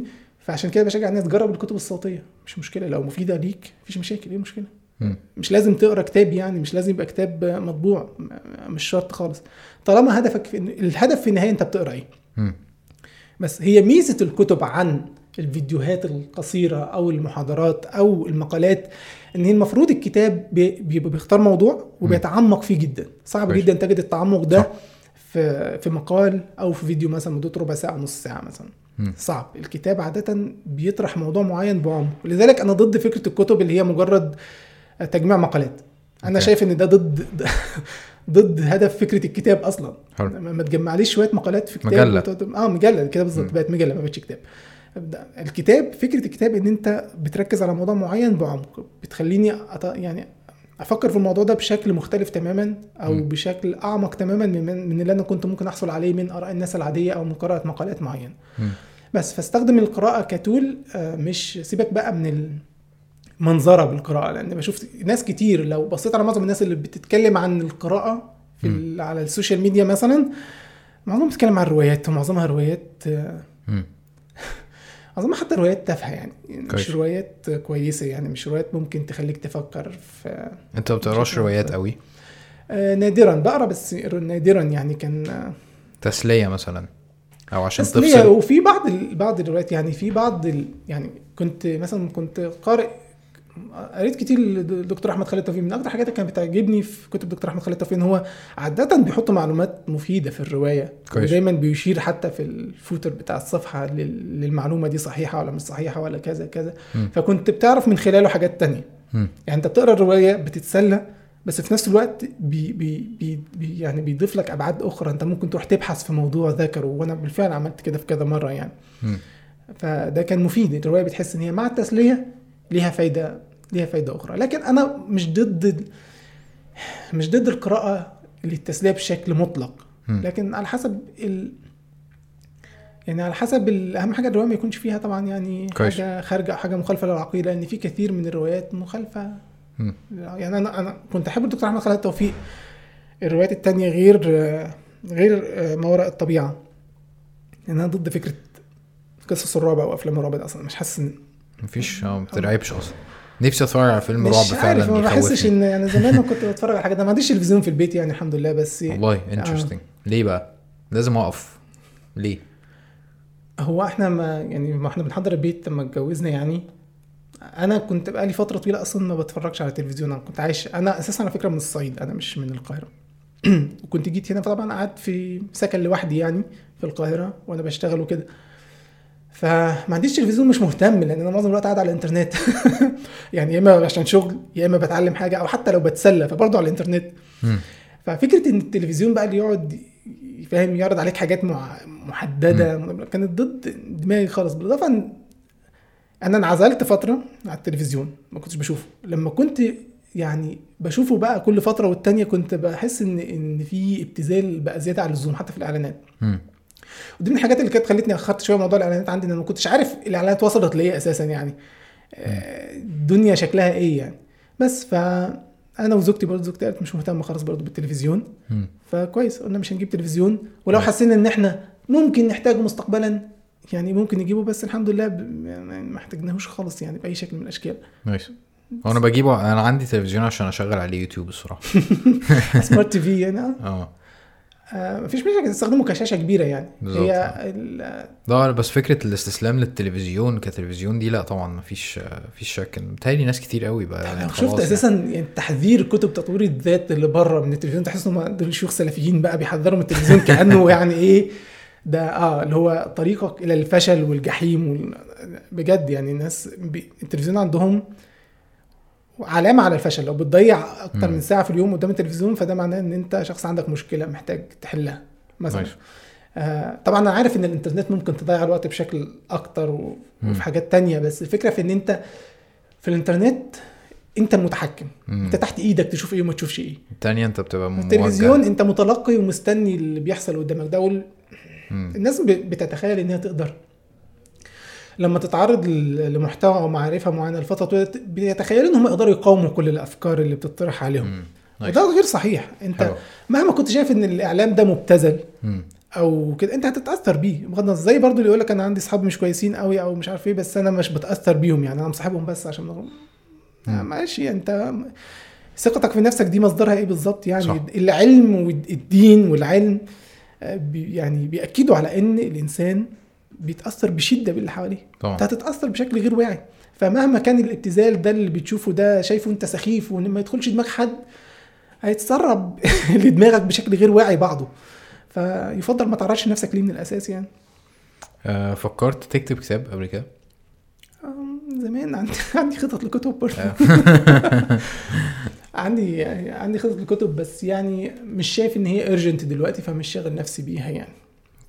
شايف إمتى إن الواحد ممكن أصل برضه مؤخرا بقى سهل قوي إن الناس تكتب كتب ودور آه. النشر بقت بترحب بدوت وأنا جالي كذا عرض فحسيت إن أنا ما عارف اللي هو إيه ده؟ فعلا أنا هو- ممكن هو مش جاي لك عشان يعني هو أنت ممكن تكون طبعا يعني أفضل حد في الدنيا كاتب يعني موهوب بس هو مش جاي لك عشان دي. هو. جاي لك عشان ال audience بتاعك. reach آه. هو بقى ال- التجاري بتاع دور النشر شوف حد مشهور اعمل له كتاب لأن هو ده اللي بيبيع مم. انت بقى حد مع مش معروف وكتبت أحسن كتاب في الدنيا ده طبعاً فرصة إن ده ينجح إيه مم. صعبة جدا ف يعني الحتة دي برضو كانت سبب من الأسباب إن أنا ما, ب... ما بستجيبش للطلبات الإعلامية كتير أصلا كتير من الجرايد وقنوات التلفزيون دلوقتي هو مش جاي لك برضو حبا فيك هو جاي لك عشان عارف إن ليك audience هو هو طبعا. اللي هيستفيد منك مش أنت اللي هتستفيد منه الناس كتير مش فاهمة آه إن يعني لو لو قناة تلفزيون طلبت أحمد أبو زيد عشان يستضيفه هم هم عاوزين يستفيدوا من ال audience بتاع أحمد. هم متخيلين إن أحمد هي share بقى الفيديو ده مع الناس فناس شوف ناس كتير صحفيين طلبوا عايزين نعمل منك مقابلة ومش عارف إيه وبقى صحفية في. الجورنال الفلاني. صح.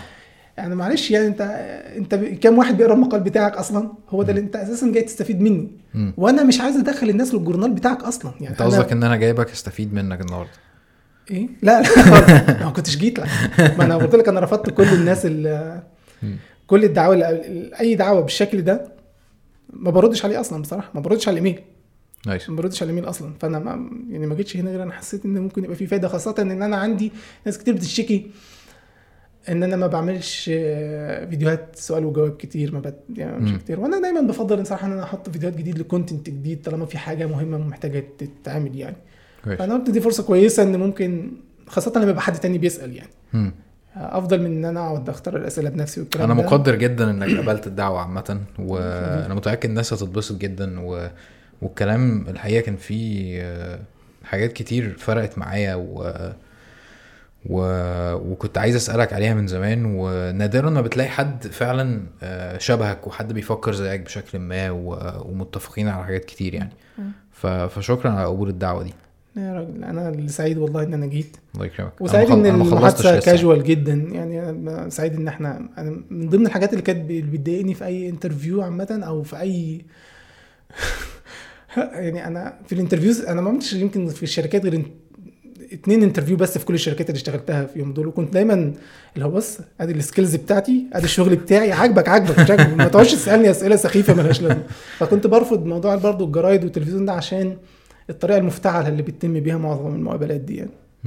فأنا سعيد إن إحنا بنتكلم براحتنا. يعني آه، أنت كنت قلت إن في آه، حاجة جديدة أنت شغال عليها اللي هي آه، آه، كان في فيديو أنت عملته المفاجاه ومش عارف إيه وفي بلاتفورم كده أنت بتعملها هو في حاجة أنا بصراحة يعني أنا لسه في يعني في الأساسيات لسه في البدايات خالص لسه في يعتبر حتى في مرحلة التخطيط ليها يعني مم. هو أنا فكرتي عامة إن قناة يوتيوب دي تبقى جزء من حاجة أكبر اسمها منصة الإنجاز مم. منصة الإنجاز دي فيها حاجات تانية غير فيديوهات يوتيوب لأن فيديوهات يوتيوب في النهاية أنا بعرض عليك محتوى مفيد وأنت يا تطبقه يا ما تطبقوش. يعني الموضوع كله بسيبك لنفسك تماما أنا بس بقدم لك المحتوى وأنت مع نفسك كويس آه طبعا حتى كمحتوى مشكلة يوتيوب إن أنا ما, بقدرش ما تقدرش تعرض عليه محتوى متعمق قوي يعني صعب قوي إن أنا أعرض فيديوهات طويلة جدا زيادة عن اللزوم أو إن أنا أعرض سلسلة من الفيديوهات اللي هي معتمدة على بعضها يعني. فرق- لأن الناس يعني. ال attention span بتاعتهم قليلة جدا.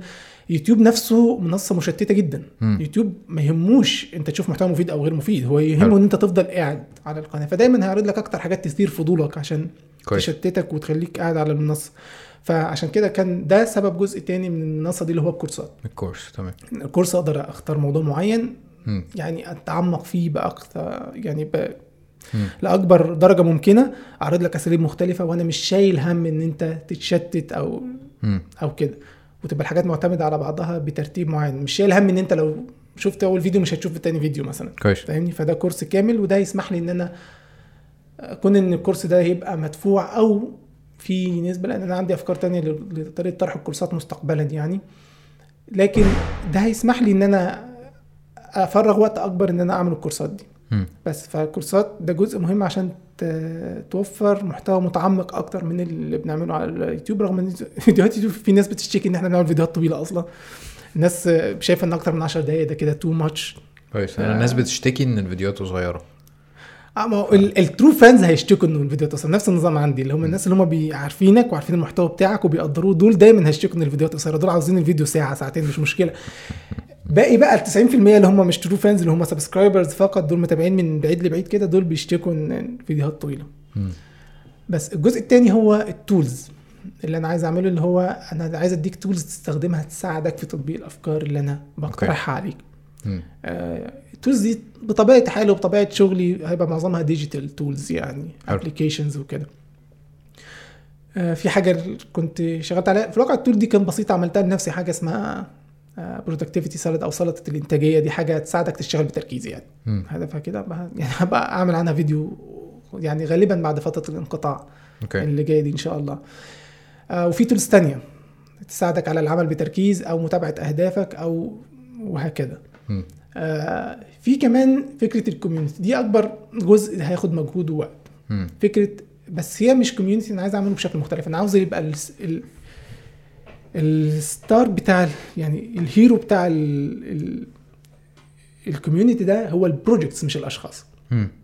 يعني أنت هتبقى موجود على المنصة دي لو عندك project أو هدف عاوز تعمله عاوز. تحققه سواء تخس سواء آه، تفتح مشروع business تفتح محل سواء تقرأ أنت قصدك. موبايل ابلكيشن يعني وما mobile application. ويب سايت آه تبقى موجود عليه يبقى عندك project بتتابع فيه ال progress بتاعك والناس بتتابعك. آه الناس بتتابع ال project بتاعك okay. وال progress اللي انت بتعمله. كل ما بتعمل progress معين بت document ال progress ده على آه، على ال website منها اولا هتلاقي support للناس. لو انت في البيئة بتاع الناس كتير عندي بتشتكي إن هم حواليهم مفيش ناس supportive للمشاريع اللي بيعملوها. فانت بتعمل community للناس اللي بتساعد بعض تحقق أهدافها أو مشاريعها.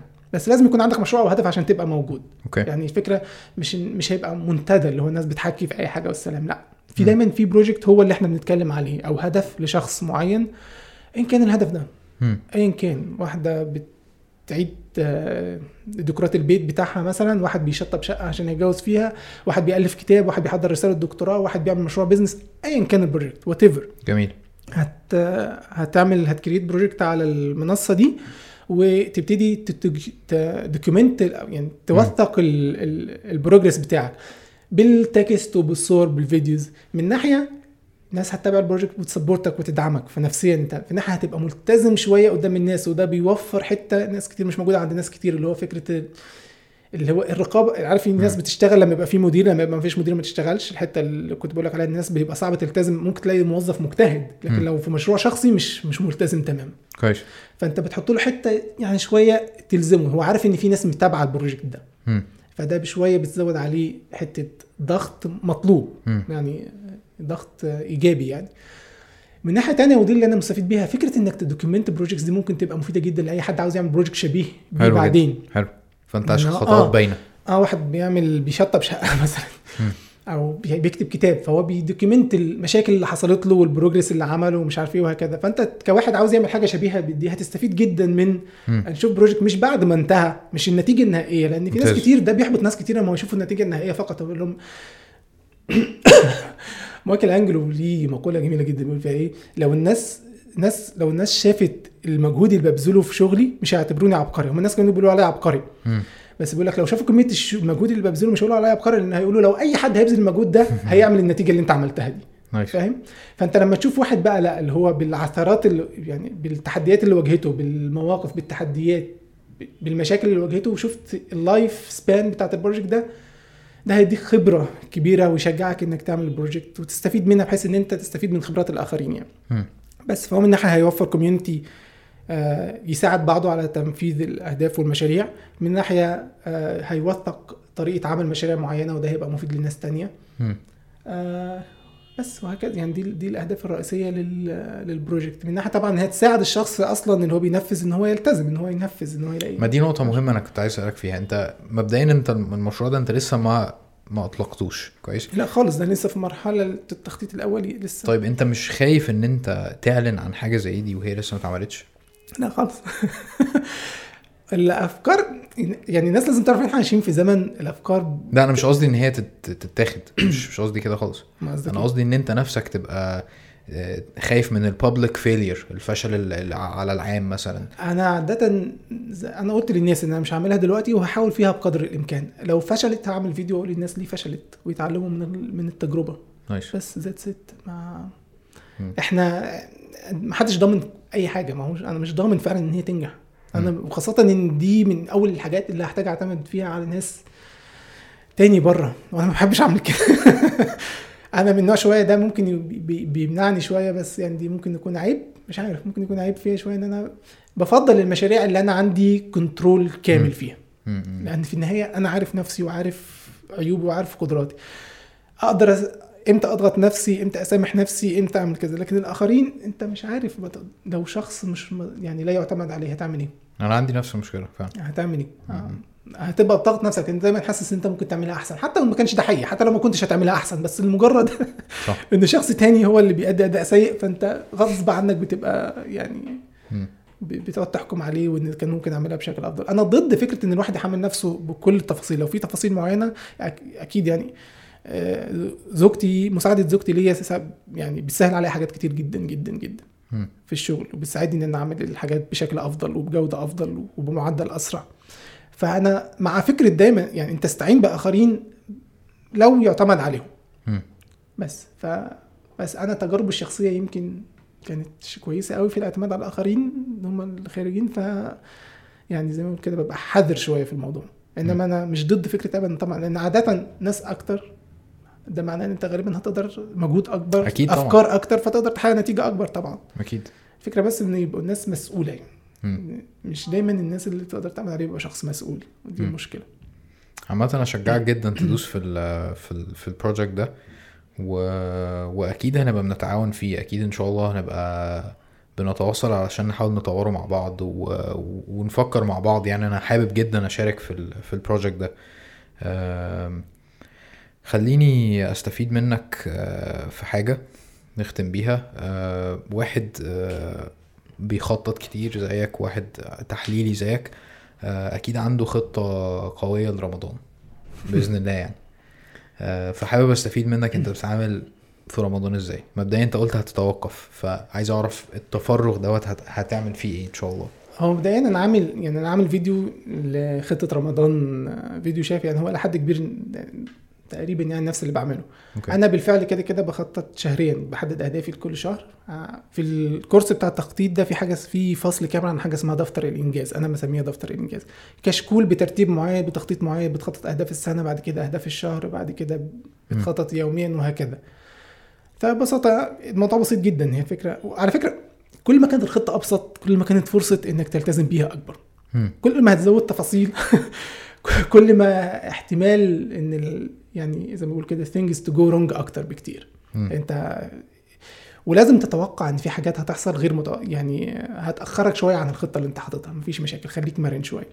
فعادة ببقى حاطط لنفسي أهداف اللي هي أهداف العبادية يعني مثلا هختم القرآن مثلا أو هعمل كذا كذا كذا أيا كانت الأهداف التعبدية بتاعتك في رمضان.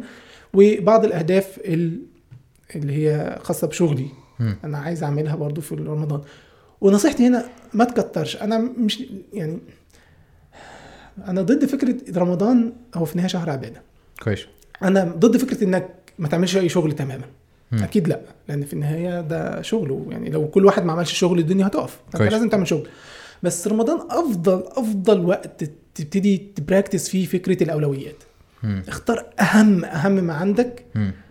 وركز عليه والله يا سيدي حسيت إن أنت ممكن يكون ده أقل مفيش مشاكل حاول تنجزه الأول ولو خلصته في نص رمضان اعمل حاجات تانية حلو مفيش مشاكل أنا ما بقولكش اكتفي بالقليل ابدا بس ما تحملش نفسك من الأول بالكثير وبعد كده تلاقي نفسك تحبط أما تحس إن أنت طاقتك قليلة. خلينا واقعيين يعني الص- الص- الصوم مشقة الصيام مشقة أنت مش. هتبقى بأفضل حالتك الذهنية خاصة لو أنت شخص يعني ما مش. معتاد على الصيام مم. ما بتصومش غير في رمضان أيوه أنت لو شخص مش بيصوم غير في رمضان فهتاخد فترة على بال ما صح. تتعود. أول كام يوم هيبقوا صعبين عليك. ده طبيعي. الصيام مشقه عشان كده اللي بيسافر أو المريض عنده رخصة إنه يفطر. مم. هو بيبقى فيه ضغط على جسدك. حالتك الذهنية مش هتبقى في أفضل حالاتك آه، دايما يعني. مم. ف دايما رك يعني حدد اهم أهم حاجات اهدافك في الشغل اللي عاوز تعملها في الفترة دي هي اللي ركز عليها في الأول. ما. تكترش ما تكترش الأهداف بتاعه ال- الجزء الخاص لأن في النهاية برضو رمضان شهر تعبد. الانسان يعني حتى الناس اللي هم يعني مش مسلمين كفرة. بيقول لك دايما تاخد اللي هي بيقول لك فترة اللي يسموها السباس دي ولا ال- التوقف الامتناع عن الشغل تماما وتاخد فترة هدنة لروحك ومش عارف تستجم والكلام ده. طب ما هو إحنا عندنا رمضان. جاهز.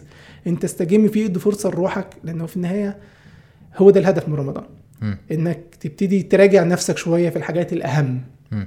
في الحياة يعني آه بس ف أهم حاجة تاني خطوة تعملها بعد ما تحدد الأهداف حاول تحدد روتين اليوم يعني ما, تسيبش نفسك أنت على أي حال هيكون لك روتين في. رمضان okay. بس في فرق بين الروتين هتحدده مواعيد البرامج والمسلسلات ومواعيد الفطار والسحور والحاجات دي يعني. طبعا أنت عندك مواعيد الفطار والسحور والصلاة دي هي ثابتة أنت مش هتقدر تغير فيها حاجة. كويس.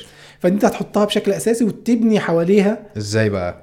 إزاي؟ أنت خلينا واقعي أنت في رمضان إيه متوقع يعني إيه الشغل ما بين أهدافك اللي أنت محددها دي سواء تعبدية أو كده؟ إيه اللي منها محتاج إنك تكون في أفضل حالاتك الذهنية؟ وإيه اللي منها تقدر تعمله حتى لو أنت مش في أفضل حالاتك الذهنية؟ وتشوف إيه الأوقات اللي أنت بتبقى حالتك الذهنيه فيها كويسة يعني لو أنت هتتسحر وهتصلي الفجر وبعد كده تقرأ قرآن وبعد كده بعد الفجر مثلا أنت بتبقى مش جعان لسه الصيام ما. ما أثرش. عليك مم. آه فدي ممكن في الجزء ده تعمل المهام اللي هي محتاجة مجهود ذهني اللي هي مهام الشغل okay بعد ما تكون يعني قرأت ورد القرآن بتاعك بعد الفجر والكلام ده حلو آه لو المهام دي في جزء في شغلك شغل روتيني خليه في النهار الوقت مم. اللي أنت تركيزك بيبتدي تأثير الصيام بيظهر بي بيبتدي يظهر عليك بقى. بتبتدي تحس بالجوع والعطش آه، ذهنيا مش مش مركز كده فده خلي الأعمال الروتينية اللي هي مش محتاجة مجهود ذهني مش محتاجة creativity مش محتاجة لا وانت بتألف حاجة أو بتكتب حاجة ده شغل. يعني في فرق بين إنك تبقى بت create شيء مش موجود أو إنك لا بتعمل عمليات إدارية تنظيمية بتظبط. الدنيا عندك. يعني المونتاج مثلا لو أنت عندك فيديو مصوره بتمنتجه ده إلى حد ما شغل روتيني مش محتاج creativity قوي الا إلا شغل graphics اللي ممكن تعمله لكن ال rough cuts مثلا والحاجات دي. ده شغل إلى حد ما روتيني فده ممكن تعمله في الفترة اللي أنت بتبقى مش مركز فيها قوي. آه بس بعد الفطار أنت عارف نفسك يعني إيه الوقت هتبقى عارف وقت المغرب إيه وقت العشاء إيه آه وقت آه، العصر إيه فأنت ال- الوقت ما بين كل صلاة وصلاة ده. طبعا طبعا الناس اللي عندهم شغل وظيفة في شركة هم اوريدي مربوطين برضه. بمواعيد الشغل الشركات. فهو ما عندوش خيارات كتير يعني. بس الجزء اللي تحت تحكمك. قسمه لنصفين. نصف اللي هو ممكن تعمل فيه شغل محتاج تركيز وشغل مش محتاج تركيز وشغل راحة. برضو. جدول الراحة. يعني انت عارف مثلا من من وقت المغرب لغاية وقت لغاية بعد العشاء صلاه التراويح أنا دي فترة مش للشغل دي فترة للفطار والعيلة و... والراحة والكلام ده. كويس. لغاية حتى ما تكون هضمت الأكل لأن كده كده مش هتعرف تشتغل من غير ما تهضم هو أنت بتعمل إيه في الفترة دي؟ يعني أنت أول ما المغرب بيأذن بتكسر وبتفطر ولا يعني الحتة دي هي اللي بتبوظ لي اليوم فاهمني؟ آه هو إحنا اتعودنا بصراحة يعني في جزء مهم يعني اتعودت مع زوجتي ان إحنا إحنا ما يعني إحنا الاتنين ما بناكلش كتير قوي يعني مش الأكل عندنا مش أنا أحب الأكل اللذيذ على فكرة طبعا زي أي بني آدم بس ما بكترش منه يعني. ما بكترش منه. فاحنا عادة في رمضان بنجهز الأكل بعد بعد المغرب. أوكي. ما بنجهزوش قبل المغرب إلا يعني إذا كانت أكلة مثلا حاجة تتطلب تحضير قبل المغرب بعد التحضير. إنما لا في معظم الأحيان بن بن بنحاول نعمل أكلات خفيفة مم. ونحضرها بعد المغرب. يعني أنت بتكسر صيامك ساعة المغرب وبعد كده بتعمل الأكل فبتاكل بعد المغرب بساعة مثلا. بعد المغرب مثلا آه نص ساعة ساعة لو الأكل خفيف ممكن يتظبط بسرعة يتعمل بسرعة مثلا حاجة زي كده يعني. أوكي. بس بس أكل مش كتير برضه. ما تكترش في الأكل. حلو. بس. بعد كده صلاة العشاء والتراويح بعد كده بقى من الفترة اللي هي من بعد العشاء أو يعني مم. اللي قبل السحور دي فترة يعني من بعد صلاة التراويح مثلا. أو ايا كان أنت آه، هتقضيها إزاي من الساعة 11 أو من 10 للساعة مثلا 2 مم. أنت على حسب بقى بتظبط يومك إزاي أنت بتنام إمتى وما بتنامش إمتى الموظفين هيبقى عندهم مشكلة في الحته دي ممكن يضطر ينام في الوقت ده لأن هو عنده. شغل الصبح لكن لو أنا أنا ممكن ببساطة آه، عادي ما بنامش الجزء ده وبتسحر وبعد كده بعد الفجر بشوية بس أنا ممكن بعد الف- الفجر أشتغل شوية وبعد كده أنام مثلا لغاية قبل. الظهر لو أنا عندي تحكم في يومي مثلا. كويس. فاهمني؟ حلو. ف رمضان غصب عنك يف... أو يفضل إنك في رمضان تقسم نومك على فترتين. يعني يفضل بقدر الإمكان إنك تقسم نومك على فترتين لأن مفيش وقت إنك تنام. وقت متصل طويل يعني. نايس حلو. حاجة من نقطة مهمة ما تفكرش ابدا إن الوقت كله متاح للشغل. يعني أنت مش اليوم 24 ساعة فأنا عندي 24 ساعة. لا ما أنت ما عندكش 24 ساعة. ده في العموم مش في رمضان بس. آه ده في العموم. في العموم مم. دايما يعني لو أنت عندك في العموم بعيد عن رمضان لو أنت عندك شغل أنت مقدر الشغل ده هياخد أربع ساعات. مم. وأنت مثلا بدأت يومك الساعة 9 الصبح. ده مش معناه وأنت وهتختم يومك مثلا الساعة 8 بالليل. ده مش معناه إن أنت ممكن تبدأ يومك تبدأ شغل الساعة 4 مثلا وتقول من 4 ما هو من 4 ل 8 أربع ساعات هيكفي الشغل. ده مش تفكير منطقي خالص. اولا طاقتك مش في نفس المستوى انت مش في نفس الحالة الذهنية والطاقة في أول اليوم زي آخر اليوم. فما ينفعش. دايما اعرف انت عندك كام ساعة شغل في اليوم وخطط على الأساس ده. لو أنا في رمضان ممكن تكتشف إن أنت ما عندكش غير ساعتين. مش ساعات مثلا ممكن. مم. يعني على حسب الموظف كده كده مرتبط بمواعيد الشخص اللي هو حر في وقته مثلا ممكن تكتشف أنت ما عندكش غير 3 4 ساعات في اليوم بس للشغل. فانت ما عندكش مفيش مفيش مجال للتسويف مفيش مجال. فحدد الثلاث أربع ساعات دول بالظبط إمتى اللي هتعمل فيهم الشغل ده. بس. كويس. آه أنا مش عايز آه أرهقك أكتر من كده بس الحقيقة أنا مبسوط آه، أي إرهاق. بالقعدة معاك يعني. آم، حابب تختم بحاجة تقول للناس حاجة معينة أي أفكار أي إعلان أي حاجة؟ لا هو إحنا قلنا للناس ال... يعني أنا لو أنا متوقع إن في content creators كتير بيتابعوك. يعني الحتة اللي كنت عايز أركز عليها أنا قلتها يعني هعيدها تاني معلش تكرار ما تركزش على عدد ال followers وال subscribers ركز على نوعهم. النوع بيفرق جدا جدا جدا. فعليا في قنوات عندها مثلا 20000 مشترك مثلا. وال activity عليها والتفاعل بتاع ال views وال likes وال comments وال support للراجل ده هو هو نفس ال support اللي على قناة تانية فيها نص مليون مشترك. بس النوع هنا فارق جدا. أنا عندي على القناة بتاعتي ال... يعني الحمد لله النوعيه مقارنة بباقي القنوات طبعا. يعني مقارنة بباقي القنوات كويسة جدا جدا. الناس ب... بتص... نسبة مثلا زي ما قلت لك الداعمين عندي على باتريون أكبر من قنوات تانية كتير. عدد ال... ال subscribers فيها كبير. آه كذلك ال views. يعني حتى كان في ده من ضمن الحاجات اللي هو كان في شركات بتحاول تتواصل معايا عشان ال sponsorship فكان يقعد يقول لي إن القناة الفلانية مش عارف عندها subscribers أكتر من القناة بتاعتك وإحنا مش عارف بنتعامل معاها بالشكل ده. قلت براحتك أنت بص على التفاعل. طب افتح ال views أنت في النهاية كشركة مثلا ك sponsor أنت يهمك إن الناس تشوف الرعاية بتاعتك صح؟ مم. فأنت هتستفيد إيه من عدد ال subscribers مليون. لو في النهاية عدد ال views 10000 مثلا هتستفيد بإيه؟ بس كتير منهم على فكرة ما بيفكرش خالص. برضو بيسيطر على فكرة الأرقام. اللي هو أنا عندها القناة دي عندها مليون subscriber يبقى أتعامل معاها بالشكل ده. القناة دي عندها 100000 subscriber يبقى أتعامل معاها بالشكل ده. فأنت بقى ما يعني ك content creator ما تتعاملش بالموضوع ده. لو أنا إن شاء الله المقال بتاع أو الكتاب بتاع true يعني 1000 متابع حقيقي ده أنا ناوي أعمله في فيديو. كويس جدا. عشان- عارف إن مش كل الناس هتعرف توصل له يعني أو تقراه. فناوي أعمله فيديو عشان يوصل لعدد أكبر. آه ركز في كل فيديو بتعمله إنه يكون فيه فايدة حقيقية مش مجرد إن أنت بتعمل فيديو جديد عشان تزود ال views أو عشان تبسط المتابعين بتوعك. لو في value بتضيفها في الفيديو فأنت لا مفر. آه ممكن الموضوع ياخد وقت اطول يعني في حاجات محتاجة تاخد وقت. ما تقارنش نفسك بحد خاصة ما تقارنش نفسك ب ما تقارنش نفسك خاصة بالقنوات اللي هي بتقدم يعني content مختلف. ما فيش أي وجه صح. مقارنة أساسا يعني ما فيش أي معنى للمقارنة. يعني في ناس دايما بتقول القنوات التافهة أو الفيديوهات التافهة بتجيب views كتير ده لا يشترط معناه إن عشان المجتمع تافه ده لأن الحاجة دي. مهت... يعني مثلا الكورة. هي الفكرة المهندس والدكتور والمزارع والتاجر والميكانيكي كلهم بيحبوا الكورة ففي جمهور هو بطبيعة الحال الحاجة دي ليها جمهور كبير.